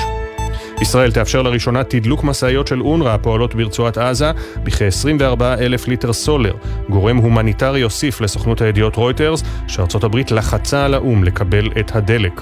שר הביטחון גלנט אישר אמש בתגובה לשאלת גלי צה"ל כי התמרון הקרקעי יכלול בהמשך גם את חלקה הדרומי של רצועת עזה. אנחנו מדברים על אה, חודשים ארוכים, לא על יום ולא על יומיים. זה יכלול גם את הצפון וגם את הדרום. אנחנו נכה את החמאס בכל מקום שהוא נמצא. חמאס הולך ונשחק. זה נכון היום, קודם כל בצפון הרצועה, וזה ימשיך ויתקיים בכל מקום שהוא. ואמש מערכת חץ ירתה בהצלחה טיל ששוגר מתימן לעבר העיר אילת. היירוט בוצע מחוץ לשמי ישראל, אבל הופעלה אזעקה באילת ובחבל אילות בהתאם למדיניות פיקוד העורף. לא היו נפגעים בגוף. המיליציה החות'ית מתימן קיבלה אחריות על השיגור ואיימה לתקוף ספינות ישראליות בים סוף. היום תימשך צעדת בני משפחות החטופים והנעדרים מתל אביב לירושלים. לאחר שאתמול צעדו 23 קילומטרים, היום הצעדה תצא מבאר יעקב ותגיע לבית חשמונאי. ברקע הדיווחים לעסקה עם חמאס, המשפחות קיימו אמש מסיבת עיתונאים בקריאה להסכם מיידי לשחרור החטופים. הצעדה תסתיים במוצאי השבת בעצרת מול משרד ראש הממשלה בירושלים. מיד בבוקר טוב ישראל נביא בשידור ישיר את הקולות וההכנות מפתיחת יום הצעידה השני. עכשיו גלגלצ והתחזית. בחסות ביטוח ישיר, המציע דחייה בחודשיים של תשלומי ביטוח הרכב למחדשי הביטוח ולמצטרפים חדשים. ביטוח ישיר, איי-די-איי חברה לביטוח, כפוף לתקנון. איילון צפון העמוס ממחלף יוספטל עד מחלף השלום. באזור צפון הארץ שורר ערפל כבד והרעות לקויה, אנא סעו לאט יותר, הדליקו אורות, שמרו מרחק ואל תתעסקו בטלפון הנייד. מזג האוויר מעונן חלקית, ייתכן גשם מקומי ברובו קל בצפון הארץ ובמרכזה, ותחול ירידה קלה נוספת בטמפרטורות. בוקר טוב ישראל עם אפי טריגר.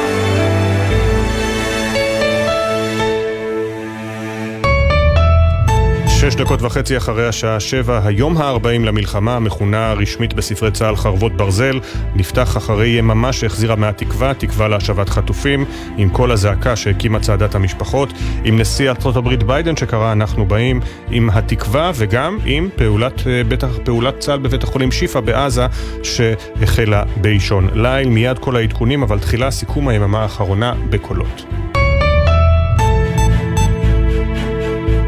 אנחנו מחויבים להשיב את הביטחון לאזרחי ישראל, הן בדרום והן בצפון.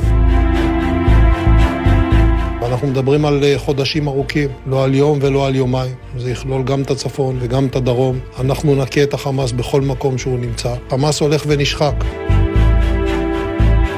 We're not overrunning the hospital, but we are conducting a very precise and targeted operation against a specific location where we have intelligence in order to defeat Hamas and perhaps um, rescue hostages.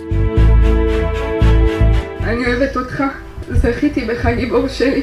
תודה על כל מה שעשית בשבילנו, ועכשיו לנצח תישאר בליבי ותהיה המלאך השומר שלי. הצבי ישראל על במותיך חלל, איך נפלו גיבורים.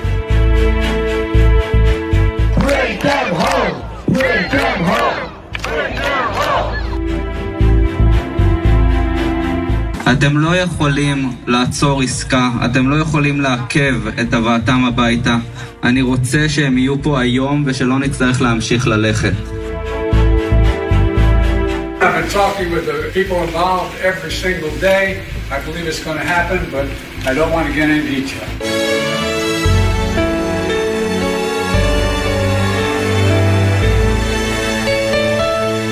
ואנחנו איתך, דורון קדוש, כתבנו לענייני צבא וביטחון. שני קצינים נפלו אתמול בקרבות בעזה.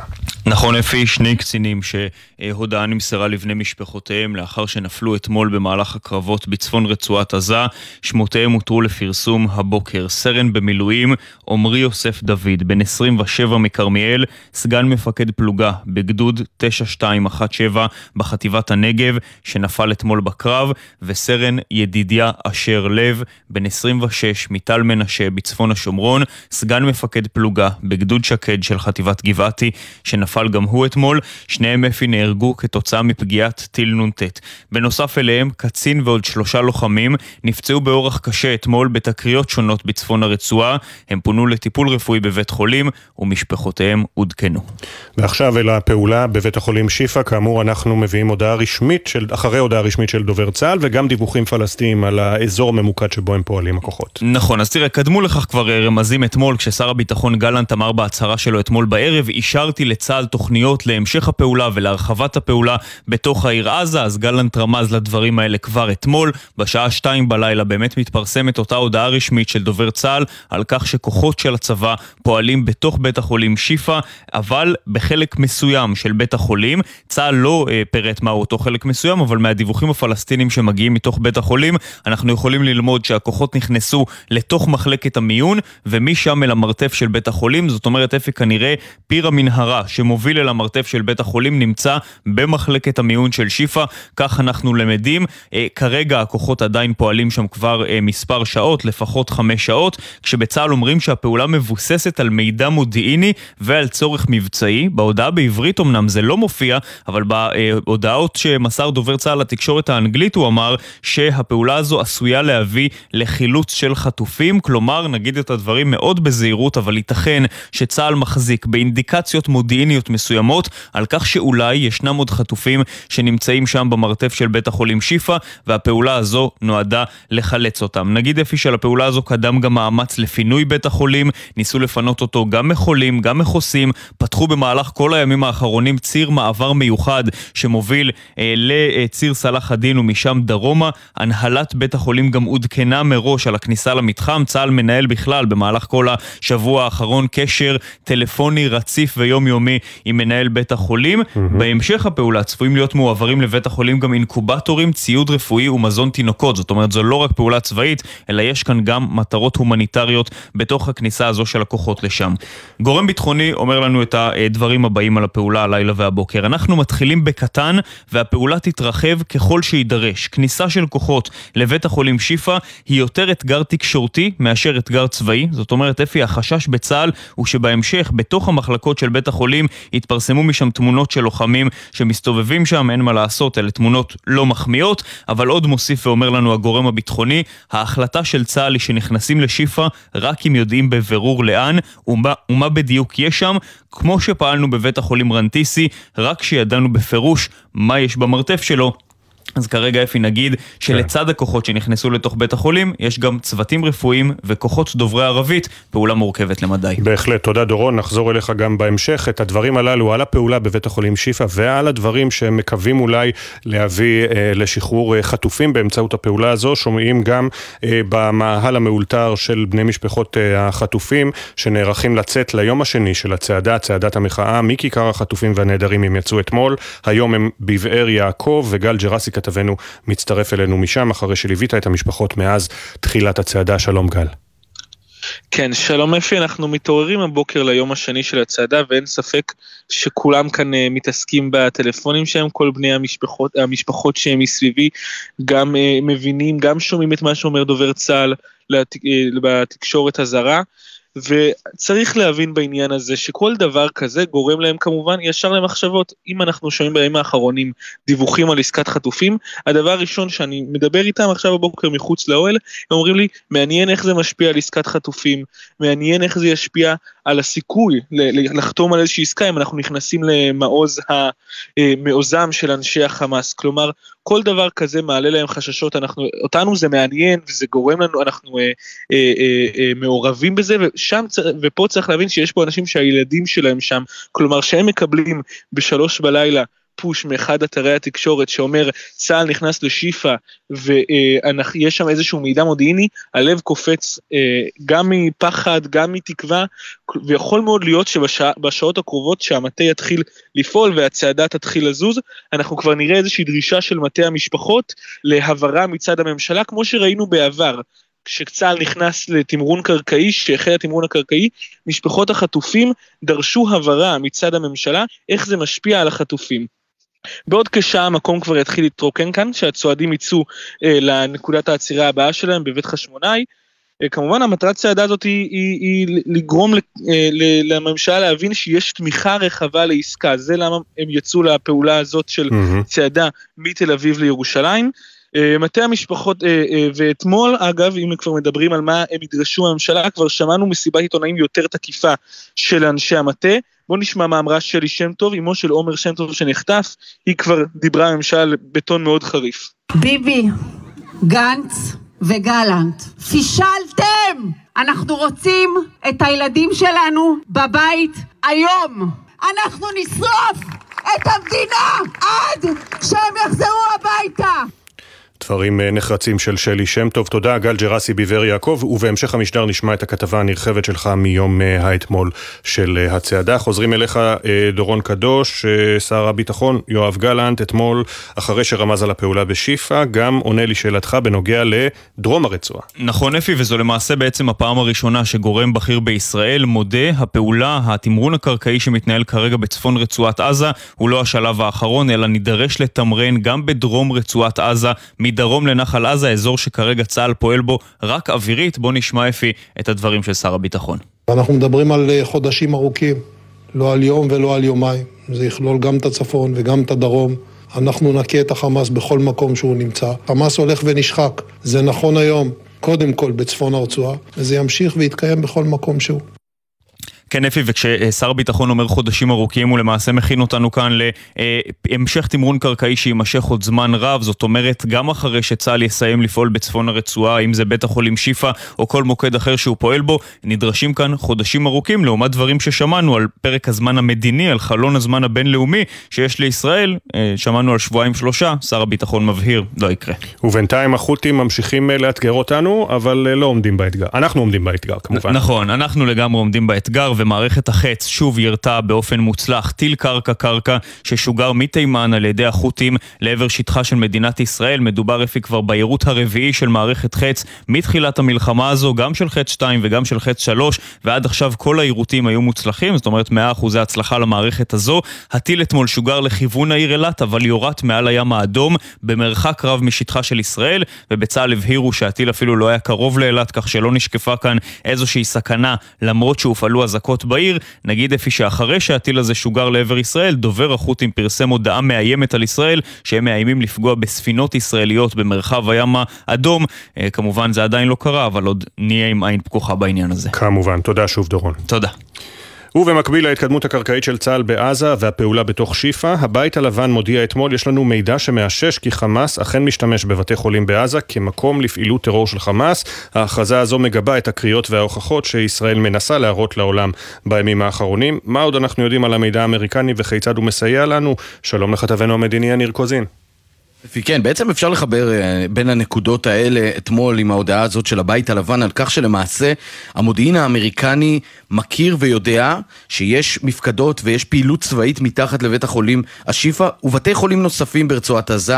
למעשה, אפי, ואת זה אתה יכול לחבר לפעילות של צה"ל במהלך הלילה הזה, כלומר, ברגע שיש לך גיבוי אמריקני פומבי כזה בנושאי בתי החולים, אתה יכול לפעול שם כי ידוע ונאמר באופן ברור שיש שם פעילות צבאית. עם זאת צריך לומר, במהלך הלילה יש דיווחים כאלה ואחרים בארצות הברית, על כך שבעצם אה, הבית הלבן מעביר מסרים ל- לישראל שהם לא רוצים לראות קרב יריות בתוך בית החולים.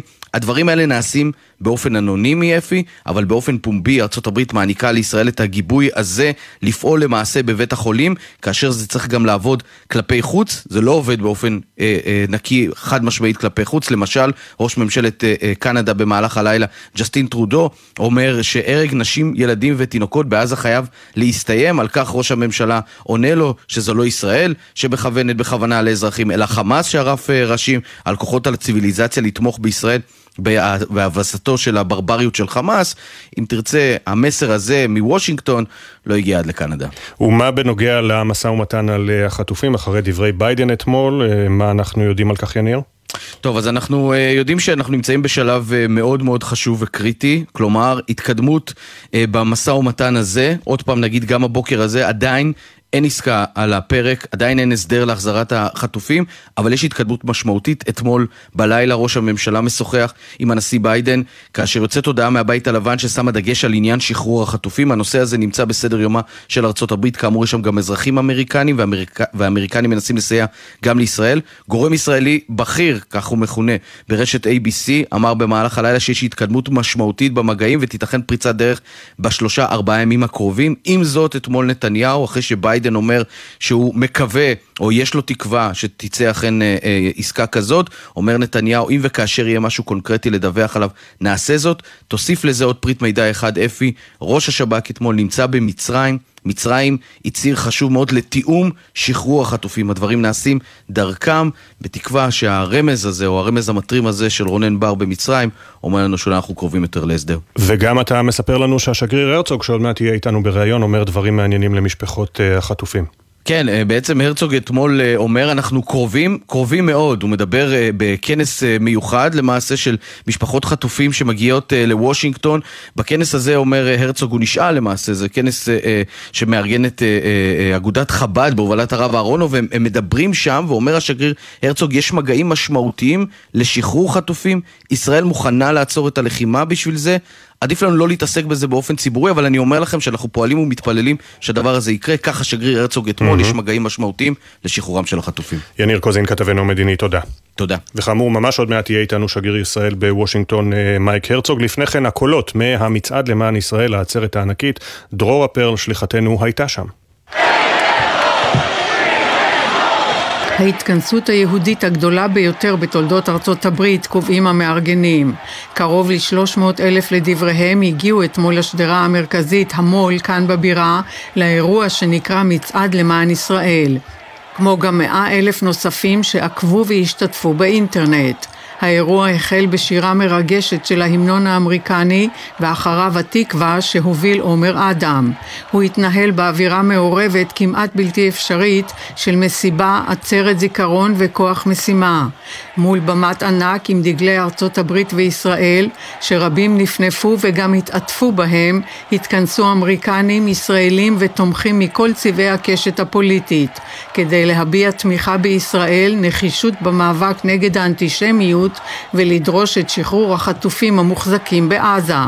הנשיא הרצוג נאם בשידור שהועבר מהכותל, בו הודה לנשיא ביידן, לממשל ולקונגרס על תמיכתם. The moral clarity and bold actions of our American allies demonstrate the depth of the U.S.-Israel alliance which is stronger than ever before. הבהירות המוסרית והפעולות הנועזות של בעלת בריתנו האמריקנית מייצגות את עומק הברית בין ארצות הברית וישראל, שהיא איתנה מאי פעם, אמר הנשיא הרצוג. מחוקקים אמריקנים, אנשי הקהילה היהודית ובני משפחות של החטופים נאמו בעצרת. ביניהם מיקה אלכסנדר, אחותו הצעירה של עידן, אורנה ניטורה, אמו של עומר, אלנה זייצ'ק, ששישה מבני משפחתה חטופים, ורחל גולדברג, אמו של הר, שנחטף מהמסיבה ברעים. הקהל הגיב שוב ושוב.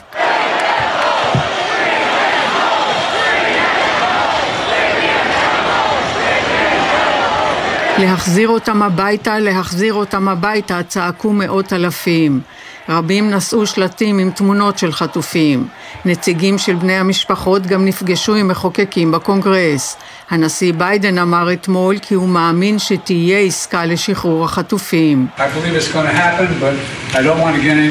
אני מאמין שהדבר יקרה, אבל לא רוצה למסור פרטים, אמר הנשיא ביידן, שהוסיף מסר לחטופים.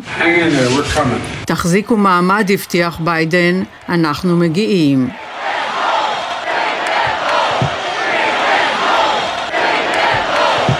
7.23 בדיוק, מצטרף אלינו שגרירנו בארצות הברית, אה, מייק הרצוג, שלום לך, בוקר טוב, לילה טוב לכם בוושינגטון. שלום, לילה טוב אצלנו, בוקר טוב אצלכם. אה, עוד מעט נדבר כמובן על ההתפתחויות האחרונות במלחמה, אבל קודם כל גם אנחנו עם הרושם, אה, אפשר לומר מרחיב הלב של המצעד למען ישראל אה, במו"ל של וושינגטון הבירה. היית שם, ספר לנו. היה אירוע יוצא דופן וחסר תקדים, היו קרוב ל-300 אלף איש במו"ל, מחזה מדהים, מחזה מרהיב, מחמם לב, מפגן תמיכה בישראל, מפגן קריאה לשחרור מיידי של החטופים ומפגן נגד האנטישמיות. הייתה שם אנרגיה אדירה, אני חושב שאנשים מבינים שגם ישראל מותקפת וגם העם היהודי תחת התקפה, המחזות שאנחנו רואים פה. וזה הוציא את ההמונים אה, למו"ל, הגיעו מכל רחבי המדינה. ישראלים ויהודים אמריקאים. אה. ישראלים, יהודים וגם לא יהודים היו שם. וזה נועד להראות לכולם, היות שיש פה הפגנות תמיכה אנטי-ישראליות, פרו-פלסטיניות ואף פרו-חמאס, שיש קול נגדי שתומך בישראל, והקול הזה הוא חזק, הוא משמעותי, והוא שמע היום בצורה מאוד מהדהדת בוושינגטון. והקול הזה חשוב מאוד במיוחד בשעות האחרונות וביממה המתוחה שצפויה לנו לפחות יממה אחת, כי צה"ל מאשר רשמית לפני שעות אחדות שחיילי צה"ל, הלוחמים, פועלים בחלק מסוים של בית החולים שיפא בעזה. זה כמובן מיד שוב גורר גינויים בינלאומיים, הרבה פייק ניוז של אנשי חמאס ותומכיו. עד כמה הפעולה הזו משמעותית להבאת החטופים? האם זה המסר שאתה בעצם מעביר לאנשי הקשר שלך בממשל? אנחנו בדיאלוג שוטף עם הממשל, הם יודעים מה אנחנו עושים, אני חושב שהם גם מבינים מה אנחנו עושים. הם לגמרי שותפים לדעה שלנו שבתי החולים בעזה הוא באופן כללי, ובפרט בית חולים שיפא, מהווים, נותנים מחסה למפקדות של חמאס, בעיקר בתת קרקע, וגנרטורים לחשמל במנהרות הללו, הם לגמרי שותפים לעמדה הזאת שלנו, יש להם גם מודיעין עצמאי. Uh, כרגע אנחנו בפעולה ממוקדת בשיפא uh, ואני מקווה שהיא גם תביא תוצאות uh, קודם כל בוודאי אם נצליח לה, להביא עוד מידע או חטופים אבל בכל מקרה גם להראות לעולם כמו שעשינו אתמול בבית חולים רנטיסי את מה שאנחנו אומרים שבתי החולים האלה שימשו לא רק לטיפול בחולים, אלא שימשו מפקדות צבאיות לחמאס. אבל uh, כאשר גורם uh, ישראלי בכיר אומר לרשת ABC, יש התקדמות uh, במגעים לעסקת חטופים, וייתכן שתוך 48-72 שעות נראה משהו קונקרטי, זה משהו שמגיע גם אליך בשגרירות?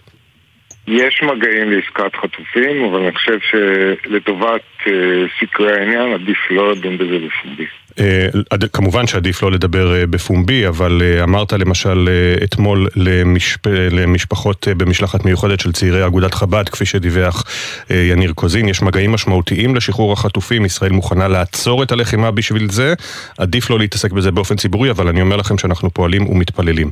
אתה עצמך אומר את הדברים הללו, כלומר, ישראל מוכנה לעצור את הלחימה בשביל העסקה.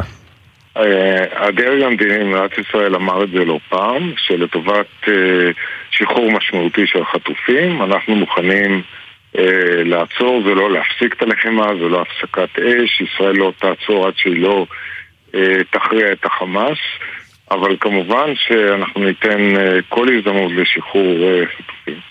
כמובן. ובכל זאת, אתה אומר, הממשל האמריקני מבין אותנו, אנחנו גם שומעים ביקורת, שמענו את הדיווחים המדאיגים על עשרות, אולי מאות פקידים ב State Department שחותמים על מכתב מעין עצומה לשר בלינקן נגד הגיבוי המלא שהם, והגיבוי המלא בעצם שהם נותנים לישראל. אתה גם שומע ביקורת?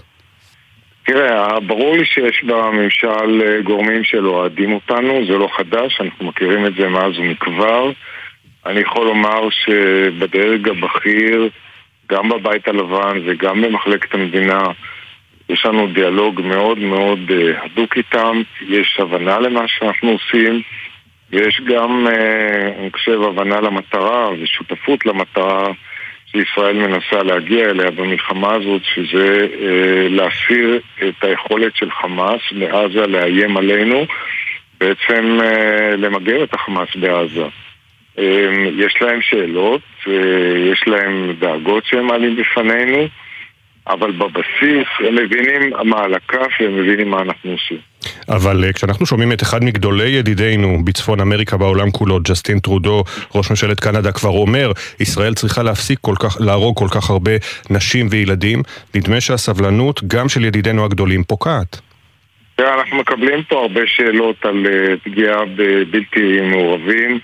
חושב שההתבטאות של ג'סטין טרודו, גם שמענו לפניו את uh, מקרון, אלה התבטאויות מצערות, כי הן יוצרות את הרושם כאילו ישראל אה, יורה בלי הבחנה באזרחים, בעוד שאנחנו מסבירים וגם מנסים להוכיח זאת, שאנחנו, אנחנו היעד שלנו זה מחבלי חמאס ולא האזרחים. בכל מלחמה יש פגיעה מצערת בבלתי מעורבים, באזרחים, וזה נובע בגלל זה שחמאס הפך אותם למגנים אנושיים. ולכן אה, כל התבטאות מהסוג הזה אה, שיוצרת את הרושם כאילו אנחנו אה, יורים בלי הבחנה היא מצערת וצריך לדחות אותה. וכמובן בוא נחזור אל העצרת הגדולה, אמרת כמעט 300 אלף איש למען ישראל אה, בוושינגטון הבירה, אה, והעצרת הזו מתקיימת, אה, דיברנו איתך גם על כך בשבועות האחרונים, על רקע גילויי אנטישמיות מזעזעים בארצות הברית ויהודים שמרגישים לא בטוחים, האם אתה חש איזשהו שינוי במצב הזה? יש פה uh, עלייה uh, באמת uh, מטרידה ביותר בגל האנטישמיות, בביטויי האנטישמיות, גם מילוליים וגם פיזיים. די לשמוע את ראש ה-FBI, איך שהוא מדבר על זה. אני חושב שמה שאנחנו רואים כרגע זה התעוררות בקרב הציבור היהודי שאני לא זוכר כמותה עשורי שנים. אנשים מרגישים, אה, מרגישים מותקפים, זו הסיבה שהגיעו כמעט 300 אלף איש לעצרת היום. הם מרגישים שהם תחת מתקפה והם, צריך, והם צריכים להשמיע את uh, קולם. Uh, ומה שראינו היום הוא באמת קול נגדי מחמם לב. אני מקווה שיהיו ביטויים נוספים uh, מה, מהכיוון הזה, שלא יישמע פה רק הקול של uh, אותם גורמים אנטי-ישראלים שעושים הפגנות, אגב, הרבה יותר קטנות פה בארצות הברית. מייק הרצוג, שגרירנו בוושינגטון, תודה רבה שדיברת איתנו. בוקר טוב מתל אביב-יפו. תודה רבה ויום טוב. ובינתיים אצלנו בצמרת הפוליטית מנסים למצוא דרך להתמודד עם העלויות הכבדות של המלחמה. אמש סיכמו ראש הממשלה נתניהו ושר האוצר סמוטריץ' על תיקון מהיר לתקציב 2023, דרך הגדלת הגירעון, שינוי בהסטת הכספים הקואליציוניים, ומה עוד? ישראל פישר כתבנו לענייני כלכלה, שלום.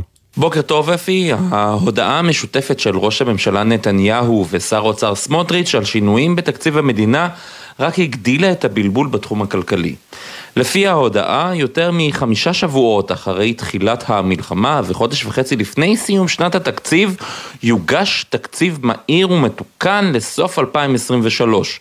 עוד ניתן בהודעה כי תקציב המלחמה האזרחי ימומן מהגדלת גירעון, ניתוב כספים מהוצאות הממשלה במשרדים וקיצוץ בהסכמים הקואליציוניים. צריך לשים לב לסדר העדיפויות של מה שנכתב בהודעה על תקציב המלחמה. קודם כל, הגדלת הגירעון, ורק אחר כך קיצוץ במשרדים מיותרים ונגיעה בכספים קואליציוניים. כדאי להזכיר שרק לפני יומיים הזהירה סוכנות דירוג האשראי סטנדרט אנד פורס ממדיניות תקציבית לא אחראית, גם עכשיו לא ברור מה יהיה היקף הקיצוצים במשרדים המיותרים או בכספים הקואליציוניים. התקציב לשנת 2024, שמתחילה כאמור רק בעוד חודש וחצי, ייפתח וישונה רק אחרי אישור ההליך המזורז והתמוה שעליו הכריזו נתניהו וסמוטריץ'. ללא פרטים נוספים, כנראה שהבלבול בשווקים רק גובר. תודה ישראל, אה, וכאמור ההתפתחויות המשמעותיות מהלילה, צה"ל פועל באזור מסוים כהגדרתו של בית החולים אה, שיפא בעזה, וגורם מדיני ישראלי בכיר אומר לרשת ABC, יש סיכוי לפריצת דרך במגעים לעסקה לשחרור אה, חטופים. מצטרף אלינו השר מהליכוד אופיר אקוניס, שר המדע, החדשנות והטכנולוגיה, שלום לך, בוקר טוב. שלום לך אפי. מה חשוב לך שהעולם ישמע מממשלת ישראל לגבי הפעילות בשיפא שכבר גוררת ביקורת ברשתות החברתיות מצד תומכי אה, חמאס? קודם כל חשוב לי שכוחותינו ישמעו הבוקר חיזוק גדול מאוד אה, מאיתנו, משרי הממשלה, מנבחרי הציבור, מהציבור בעורף שהוא חזק ועוצמתי. אני רוצה שידעו זאת. אה, הכוחות, אה, החזיתות הן רבות, היא לא רק חזית אחת. כידוע לך, אם תרצה להתייחס לכך, ולשלוח את תנחומיי למשפחות השכולות, ששתיים מהן הצטרפו למשפחת השכול לפנות בוקר. שמענו אצלכם, והחלמה מהירה לפצועים, רפואה שלמה לכל הנמצאים כעת בבתי החולים. אני משיב לך כעת, אנחנו בעיצומה של מלחמה על קיומנו. אנחנו במלחמה בעזה, אבל למעשה בתוך מלחמת ציוויליזציות, שבה ישראל היא המוצב הקדמי של העולם המערבי. ואת זה אני רוצה שישמעו. מדוע? משום שהעולם המערבי, שמענו את רודו, נתייחס אליו בפרוטרוט בוודאי בעוד שאלה או שתיים, אנחנו כעת המוצב הקדמי של העולם המערבי במלחמת הציוויליזציות הראשונה. היא פרצה בשבעה באוקטובר, אה, ביישובינו, בקיבוצינו, בבסיסי צה"ל, היא פרצה אצלנו, במדינת ישראל. אבל אנחנו המוצב הראשון, וידע טרודו, וידעו באירופה היותר קרובה אה, מצפון אמריקה, וגם בארצות הברית של אמריקה, שאנחנו, מבחינת הג'יהאד הרצחני הזה, זו רק ההתחלה. ולכן, במקום לגנות אותנו על פעולות מובהקות של הגנה עצמית, אני מציע אה, לצפות היטב במופע התמיכה בוושינגטון, שאיתו שוחחתם עם, הנשיא, עם, ה, עם האחיו של הנשיא, עם השגריר אה, הרצוג לפני דקות אחדות, ולהבין שהוא יכול להיות, כן. אפי, שיותר מכמה מההנהגות בעולם, דעת הקהל מבינה זאת. ואנחנו צריכים להמשיך את הקו התקיף הזה, שאומר, כמובן. הם רוצים את הראשים שלכם. הם רוצים, הם לצערי פגעו בנו בעוצמות אדירות וכואבות בשבעה באוקטובר, אנחנו מגנים על עצמנו אבל אנחנו גם מוצב קדמי שלכם. ובינתיים אה, הלילה ידיעות אה, שונות, כולל גורם ישראלי בכיר לרשת ABC שתיתכן פריצת דרך במגעים לעסקה לשחרור חטופים. ברור שעסקה כזו חייבת להגיע לאישור מליאת הממשלה כולה. האם אתה כבר גיבשת עמדה כיצד תצביע? תראה, אני נפגש עם משפחות אה, של חטופים. אני הולך אליהם לבתים, אני משוחח איתם בטלפון, אני גם רואה באמצעותכם את הכאב הענק של אלה שנבצר ממני אה, לפגוש. אה, זו טרגדיה, אפי, אתה צריך להבין, אני לא יודע אם יצא לך אה, להיפגש עם משפחות של חטופים ממש בסלון הדירה, כאשר עוד הדברים שלה, של חלקם או של קרוביהם, כן, הם, הם קרובים אליהם. זה כואב, זה קשה, זה קשה, ואפשר להבין את הזעם. אבל אני אומר, כולל הודעה למליאת הכנסת בשבוע שעבר, מפי, שאנחנו עושים ללא לאות. אני מבקש שהציבור ידע את זה, ללא לאות. ישנם כמה גורמים שעוסקים בדבר, אני מתעדכן בכל יום אה, בהתקדמות. אני אה, גם מתפלל, אני חייב להגיד לך. אה, כולנו מתפללים, השאלה אם יש לך. איזשהו תנאי שאתה לא תסכים בו בעסקה, למשל הכנסת דלק, או עצירה לכמה ימים.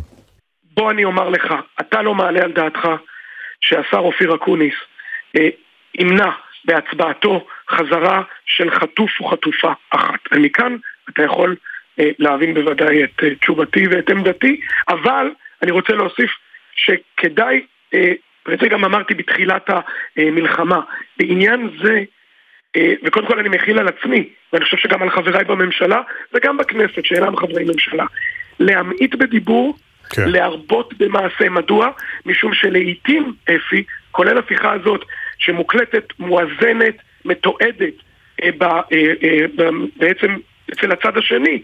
האויב מאזין, יש פעם היה סיסמה כזאת בצבא, mm-hmm. הוא באמת מאזין, והוא יודע שכל מילה יכולה לשנות, ואנחנו בעזרת השם, ואני בעניין זה אתעלה באילן גבוה, היושב כעת בפנסילבניה 1600, בבית הלבן. בוא נאמר כך, כדאי להיות אופטימיים, אבל צריך עד הדקה האחרונה לפעול אה, בנחישות okay. על אוקיי. קיומה של העסקה הזאת. ספי עובדיה דיווח שלשום בחדשות 13 על אה, דיבורים ראשונים בקרב, אה, הוא הגדיר את זה פחות מעשרה שרים וח"כים בליכוד, על אה, הדחת ראש הממשלה נתניהו לאחר סיום המבצע הקרקעי, מתוך הנחה שהוא לא יוכל להתחמק מאחריותו למחדל הגדול של 7 באוקטובר, כך על פי אותם גורמים בליכוד. האם אתה תתמוך במהלך שכזה? אין לי מושג מה דיווח ערוץ כזה או אחר, אני ממעיט בצפייה בטלוויזיה. אני חושב שחשבון הנפש... הנה, זה היה הדיווח, אני נתתי לך את הפרטים מדויקים. לא, לא, תרשה לי ברשותך. חשבון הנפש שאני עושה, כשר בממשלה ואחרים, הוא עמוק, הוא יסודי, הוא כנה. אני מציע גם לכלי התקשורת, בעיקר האלקטרונים, לעשות את אותו חשבון נפש על, על, על חלק מן הדיווחים שהם מדווחים לציבור בעת מלחמה. אבל זה אירוע שקורה בקרב ואני... אנשים בליכוד, זה לא אה, מידע מומצא, זה נאמר בערוץ 13 על ידי ספי עובדיה שהוא כתב פוליטי בכיר. כל, אה, לא יודע אם הוא מומצא או לא, ואני לא עוסק בזה. תקשיב טוב, לי יש בן עכשיו בחזית, באחת החזיתות, עם חברים שלו שהתגייסו בקיץ שעבר, עם, עם מאות אלפי כוחות מילואים וסדירים. הם במלחמה, הם מגנים עלינו, ואתם עוסקים, תסלח לי... חלילה, אף אחד לא מזלזל בהם, אבל לא, לא, יש פה גם לוח זמנים פוליטי. אני אגיד לך, אני בי נשבעתי, שעד שאנחנו לא מכריזים על ניצחון ישראל במלחמה והחזרת החטופים, לא אעסוק. כחוט השערה בשום עניין פוליטי okay. או אוקיי. מפלגתי. אז הנה עניין אחר. לעשות. הנה עניין אחר, הודיעו ראש הממשלה ושר האוצר על הגדלת הגירעון בתקציב 2023, תיקון התקציב לחודש וחצי הקרוב שנותר, ועל הסטה של כספים קואליציוניים, לא על שימוש בכל הכספים הקואליציוניים. ברור לך שתהיה ביקורת על ההודעה הזו, וזה מרגיש עדיין כאילו הם פועלים, לה, כאילו שר האוצר פועל בעיקר למגזר שלו ולא מבין פה את גודל השעה. אז אני אומר לך כך, כיוון שאני התבטאתי ואני חבר בקבינט הכלכלי-חברתי, את כל הכספים הקואליציוניים צריך לאפס, לאפס, מה, מהלשון אפס, שלא יהיו כספים קואליציוניים. אני עומד להסיט אה, אה, מיליונים רבים מתקציב אה, משרד המדע אה, שלא נוצל עד כה, צריך להבין שאנחנו בסוף שנת התקציב. חלק ניכר מן התקציבים נוצלו ונותרו עוד תקציבים, הם יוסטו לטובת המאמץ המלחמתי, יהיו כמובן גם לשוטף. אני אומר לך, אנחנו גם במאבק כלכלי, העורף חזק, יש סימנים של חזרה, אתה רואה את זה ודאי אה, על הכבישים, אבל יש רבים שלא חזרו. עכשיו עוד דבר אחד, mm-hmm. ברשותך, אני שומע גם אצלכם ביקורת, והיא לגיטימית, על כך שלא נעשים מספיק דברים אה, מטעם הממשלה. אז אני אומר כך, נכון, אף פעם לא מספיק. נכון, תמיד אפשר עוד, אבל רק שתדע, אתה והמאזינים, שמיליארדים כבר תוקצבו לטובת מנהלת תקומה, לטובת שיקום היישובים, לטובת הפינוי והשהות בבתי החולים, הזרמת כספים ישירות לחשבונות של uh, תושבים שמפונים כעת, שאני באמת, ליבי אליהם, כי הם לא במקום הבטוח ביותר, mm-hmm. שהוא ביתם. אז מיליארדים רבים לטובת גם המאמץ, אגב, צריך להבין, כן. אפי, אתה בגלי צה"ל, כלומר, אתה חלק ממערכת הביטחון, אבל אתה חלק זעיר, הדבר העיקרי הוא החימושים. הדבר העיקרי, העיקרי הוא המאמץ המלחמתי. המיליארדים שהועברו ברובם הם לטובת הסקטור האזרחי, כן. העורף, התושבים. ישנו גם, צריך יהיה לעשות שקלול מחדש. וזה לטובה, כבר ד... נושא לדיון אחר, אבל זמננו נכון תם, אני חייב לסיים. אופיר אקוניס, שר המדע, החדשנות והטכנולוגיה. אני מאוד מודה לך על ההזדמנות. תודה. ובאמת, אה, אה, תנחומיי למשפחות ואיחולי החלמה לכל הפצועים. תודה רבה, גם מאיתנו. עכשיו לך. אה, כותרות החדשות. הבוקר כאמור הותרו לפרסום שמותיהם של שני חללי צה"ל. הודעות נמסרו למשפחותיהם. סרן במילואים עמרי יוסף דוד, בן 27, מכרמיאל, נפל אתמול בקרב בצפון הרצועה. על מועד הלווייתו תבוא הודעה בהמשך. סרן ידידיה אשר לב, בן 26, מטל מנשה, סגן מפקד פלוגה בגדוד אה, שקד. אה, הלווייתו תיארך היום בשתיים אחרי הצהריים בבית העלמין האזרחי שקד בחיננית. בנוסף, נפצעו קשה ארבעה חיילי צה"ל בקרבות בצפון הרצועה, הם פונו לטיפול רפואי ומשפחותיהם עודכנו.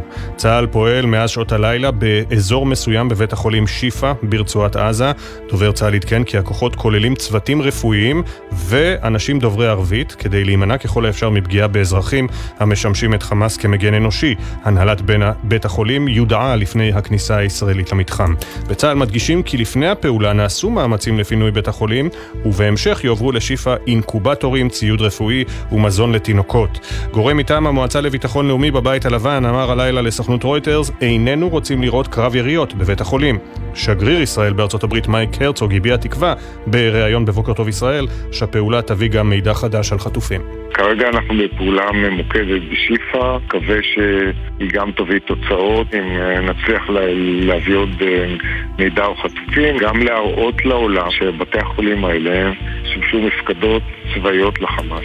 גורם ביטחוני אומר הבוקר לכתבנו הצבאי דורון קדוש על הפעולה בשיפא, אנחנו מתחילים בקטן והפעולה תתרחב ככל שיידרש. ההחלטה של צה"ל, נכנסים לשיפא רק אם יודעים בבירור לאן ומה בדיוק יש שם, כמו שפעלנו בבית החולים רנטיסי, רק שידענו בפירוש מה יש במרתף שלו.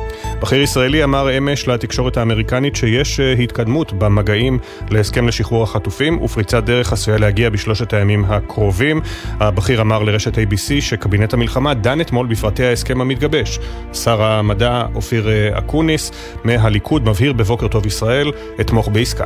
אתה לא מעלה על דעתך שהשר אופיר אקוניס ימנע בהצבעתו חזרה של חטוף או חטופה. אבל אני רוצה להוסיף שכדאי להמעיט בדיבור, כן. להרבות במעשה. עדכוני תנועה לנהגים מגלגלצ, כביש 65 עמוס מכיוון עפולה לכיוון צומת הסרגל בגלל תאונת דרכים, איילון צפונה עמוס ממחלף יוספטל עד מחלף השלום. מזג האוויר מעונן חלקית, ייתכן גשם מקומי, ברובו קל בצפון הארץ ובמרכזה, תחול ירידה קלה נוספת בטמפרטורות. אנחנו יוצאים להפסקה של פחות משתי דקות, ואחריה הקולות ממסע משפחות החטופים מתל אביב לירושלים, היום הראשון. כבר חוזרים. בחסות אוטודיפו, המציעה מצברים לרכב עד השעה תשע בערב בסניפי הרשת, כולל התקנה חינם. כי כדי להחליף מצבר, לא צריך להחליף לשעות עבודה יותר נוחות. אוטודיפו. בחסות זאפ, המזמינה אתכם לנובמבר ישראלי עם מגוון מחשבים ניידים החל מ-1,399 שקלים ועוד עשרות אלפי מוצרים במחירי זאפ ובקנייה ישירה.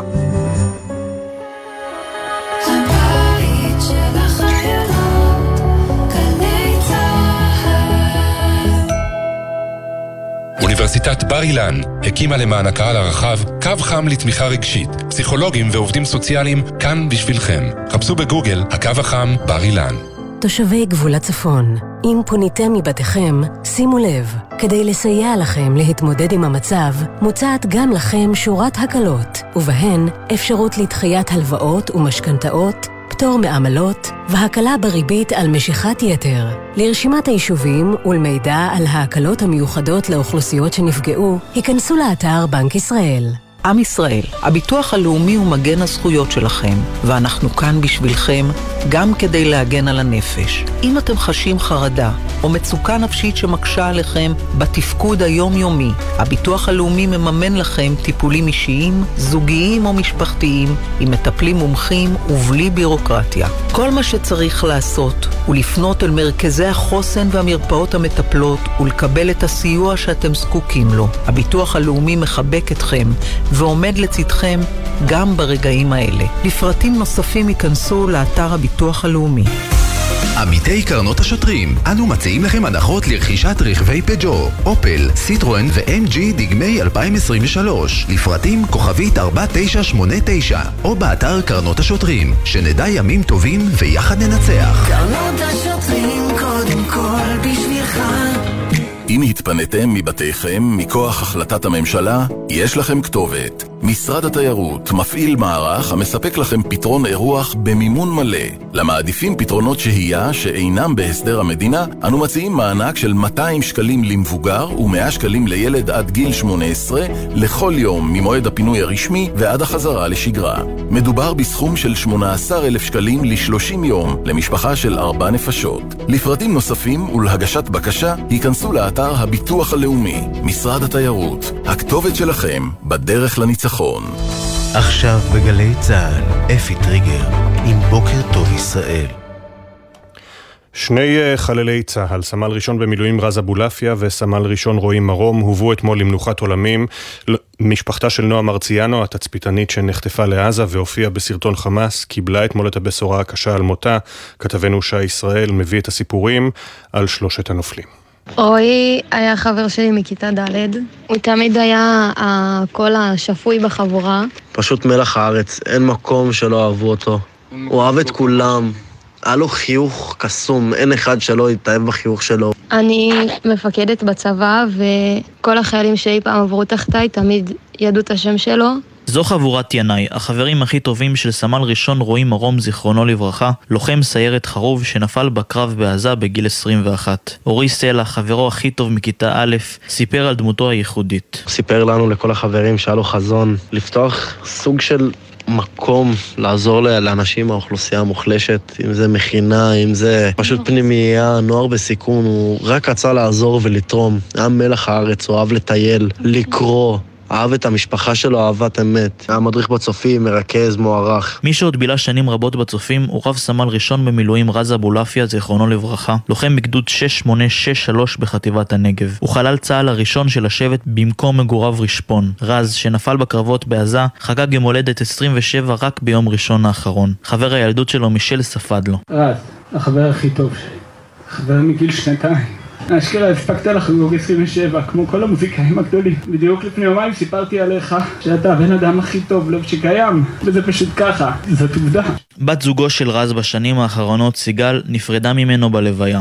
רק האנשים הכי טובים נולדים ומתים באותו היום, והיום זה היום הולדת העברית שלך, וזה רק מוכיח את כמה שהיית מיוחד. אני אוהבת אותך, זכיתי בך גיבור שלי. תודה על כל מה שעשית בשבילנו. ועכשיו לנצח תישאר בליבי ותהיה המלאך השומר שלי. הצבי ישראל על במותיך חלל, איך נפלו גיבורים. אתמול הודיע צה"ל למשפחתה של רב טוראי נועה מרציאנו כי היא נפלה בשבי החמאס. מרציאנו, תצפיתנית בת 19 ממודיעין, נחטפה ב-7 באוקטובר. שלשום פרסם ארגון הטרור סרטון שבו היא מתועדת. ראש עיריית מודיעין מכבים רעות חיים ביבס אומר לנו אי אפשר לנחם את המשפחה. התפללנו לסוף אחר, אין מילים שיכולות אה, לנחם ולהקל על כאבם של ההורים. עדי ואבי, ביום חמישי שעבר קיימנו אירוע להזדהות עם החטופים, בו סיפרנו על נועה, נערה חכמה, כריזמטית, מלאת אה, חוש הומור. את נועה פגשתי כשהייתה בכיתה י"ב והייתה לי הזכות להעניק לה מלגת הצטיינות על התנדבותה. גופתה של נועה מוחזקת בידי החמאס ולא ניתן לקיים הלוויה. משפחתה החלה לשבת עליה שבעה. וכאמור, בשעות האחרונות צה"ל פועל בבית החולים שיפא בעזה, על פי הדיווחים ועל פי דובריו הרשמיים, גם אולי כדי להביא מידע על החטופים. אתמול החלה הצעדה של משפחות החטופים מהקריה עד לירושלים במוצאי שבת. התחנה הראשונה אמש הייתה הבריכה העירונית של באר יעקב. כתבנו גל ג'רסי נלווה עליהם ומביא את הקולות. אחרי הליכה של 23 קילומטרים, אפילו בני המשפחות שמתזזות בלי סוף, ישבו קצת לנוח. הבריכה העירונית של באר יעקב התמלאה מעגלים, בהם בני המשפחות נזכרו בסיפורים מצחיקים של יקיריהם החטופים, או החליפו טיפים איך לטפל ברגליים כואבות. כמה שעות לפני זה, הם היו הרבה פחות שקטים. רוצים אותם עכשיו! רוצים אותם עכשיו! הצעדים הראשונים בדרך לירושלים נעשו, איך לא, מכיכר החטופים ברחבת מוזיאון תל אביב. אני רוצה להזמין פה את כל עם ישראל. אני ממש ממש מקווה שלא נצטרך להגיע עד לירושלים. שלובי ידיים, מצוידים בכובעים, תיקים גדולים ותמונות של אלו שלא חזרו הביתה מהשבעה באוקטובר, יצאו משפחות החטופים מלווים במאות תומכים לצעדה הארוכה, הקילומטרים הראשונים על נתיבי איילון, בדרך לכביש אחת. אנחנו יורדים לאיילון, בדרך לירושלים, ולפעם מהממשלה, מהקבינט המלחמתי, שייתנו לנו תשובות. משתתפי הצעדה היו בין הגילאים 8 עד מעל 70. דני מירן, בן 72, הוא אביו של עומר שנחטף. הקושי בהליכה נראה על פניו, אבל אין סיכוי שהוא יוותר. אני נכה ברגל, ימין. נפצעתי בששת הימים, אבל אני אעשה את כל הדרך. אני ישן על אבנים גם. העם האדיר הזה בא לחזק אותנו. אז מגיע לנו גם להיות בשקט. אחרי כמעט 40 ימים של אירועים תחת השמש הקופחת של תל אביב, בקילומטר החמישי קרה דבר שעד אז עוד לא התמודדו איתו משפחות החטופים, החל לרדת מבול. תוך דקות בגדי הצועדים נספגו מים, גם מעילי הגשם שחולקו לא מאוד עזרו. אבל המשפחות חדורות מטרה, עד מוצאי שבת, להגיע לירושלים. שום דבר לא יעצור אותנו, שום גשם, שום דבר, עד שכולם יחזרו הביתה. עבר מספיק זמן, יש שם ילדים קטנים בשבי, תינוקות, ודודה שלי, בת 72, מחכים לה 12 נכדים וארבעה ילדים בבית. אחרי כמה קילומטרים בגשם, וכשכבר היינו מרחק חצי שעה מנקודת עצירת הביניים בצומת בית דגן, פסק הגשם ובשמיים הופיע קשת בענן, הזדמנות בשביל גליה דוד, אמו של אביתר דוד שנחטף, לדבר קצת על תקווה. אם לא הייתה בי תקווה, ואם לא הייתי רואה שזה חייב להסתיים בטוב, לא הייתי מסוגלת לצעוד כאן היום. לא היו לי את הכוחות. בלי תקווה אין לנו שום המשכיות. לאחר העצירה בבית דגן, שכללה גם אזעקה, יצאנו לחלק האחרון, שמונה קילומטרים לבאר יעקב. בסוף, כשהעייפות החלה להשתלט, בני המשפחות הצליחו אפילו לצחוק קצת ביחד. בא לי בימים, בא לי בלילות, בא לי לצעוק, אני פרחה. בהגיעם לבאר יעקב, מאות מתושבי העיר קיבלו את פניהם בחיבוקים ובסירי אוכל חם. היום תצאנה המשפחות לכיוון בית חשמונאי, בחמישי הם יגיעו ללטרון, ארוחת שישי הם יעשו בקריית ענבים, ובשבת ייחתם המסע הארוך מול משרד ראש הממשלה בירושלים.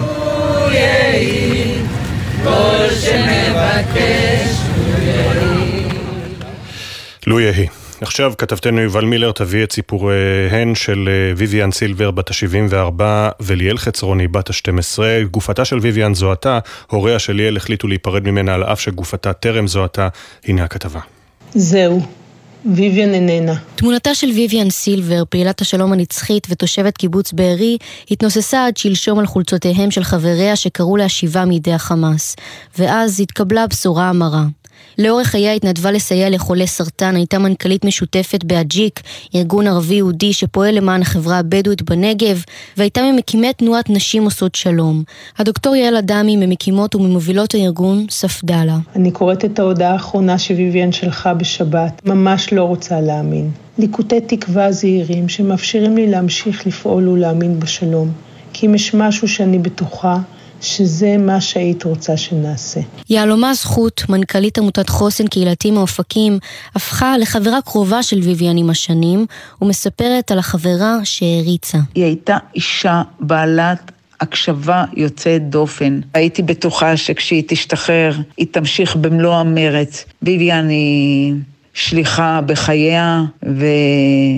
לעולם תהיה מושא להערצה בעיניי. ויvian נלחמה לאורך השנים על הביטחון באזור עבור משפחתה ומדינתה כולה. כך נשמעה בחודש נובמבר לפני כשנתיים. אני לא גרה בתימן ולא בלוב.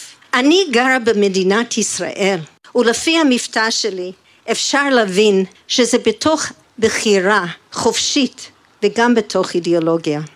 לכן עוד יותר קשה לחוות את התחושה שהמדינה שלי מקריבה את האזור שלנו בעוטף. מועד הלווייתה של ויvian עוד לא נקבע. היום חברי קיבוץ בארי ייפרדו גם מליאל חצרוני, בת ה-12, שרק התחילה ללמוד השנה בבית הספר נופי הבשור במועצה האזורית אשכול. גופתה לא זוהתה רשמית, אך בני משפחתה וחבריה יערכו טקס פרידה ממנה ברביבים, מיד אחרי שתובא לקבורה איילה חצרוני, דודתה שגידלה אותה, ונרצחה גם היא בקיבוץ בארי.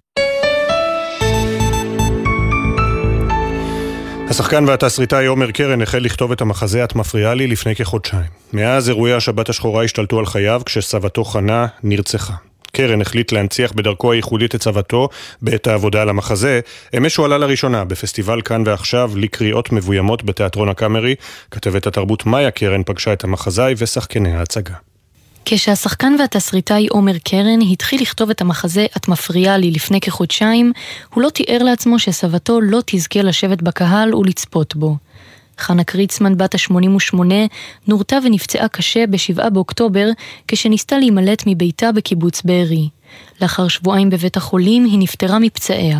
קרן שהיה בעיצומו של תהליך הכתיבה, החליט שההצגה חייבת להימשך לזכרה. הוספתי קריצות אליה, דברים שרק היא ואני נבין. הוספתי שיר ביידיש, והוספתי את השם שלה, והוספתי כל מיני מילים שהיא הייתה אומרת. הרגשתי שחלק מהמשימה שלי עכשיו זה גם uh, להדהד אותה. מלבד הקריצות, המחזה שעלה לראשונה אמש בפסטיבל הקריאות המבוימות כאן ועכשיו בתיאטרון הקאמרי, לא מתייחס כלל למלחמה של השבועות האחרונים. הוא מגולל את סיפור מערכת היחסים של אלי וחווה, שתי שחקניות תיאטרון. מגלמות אותם מאיה לנצמן וחלת פרס ישראל מרים זוהר, שבגיל 92 מוצאת נחמה בימים אלה בתיאטרון. עצם המחשבה שאני הולכת לחזרה, זה מציל אותי. כי מאוד קשה לשבת ליד הטלוויזיה ולשמוע חדשות. אני ניסיתי לעבור למשהו יותר קל, אז פתאום הרגשתי רגשות אשמה. מה? זוהר עלתה לבמה אתמול עם דיסקית הקוראת להשבת החטופים, שהייתה על צווארה לאורך ההצגה כולה. גם המחזאי עומר קרן דואג להזכיר לעצמו מה קורה מטרים ספורים מחוץ לחדרי החזרות של תיאטרון הקאמרי. לפני כל חזרה שאני מגיע לפה, אני הולך למעל של החטופים. חשוב לזכור את זה. אז נמצאים שם ועצובים, ואז נכנסים לתיאטרון, כל מי שמגיע לכאן יוצא מכאן יותר חזק. אבל המציאות לא זקוקה למחשבה תחילה או הזמנה מיוחדת.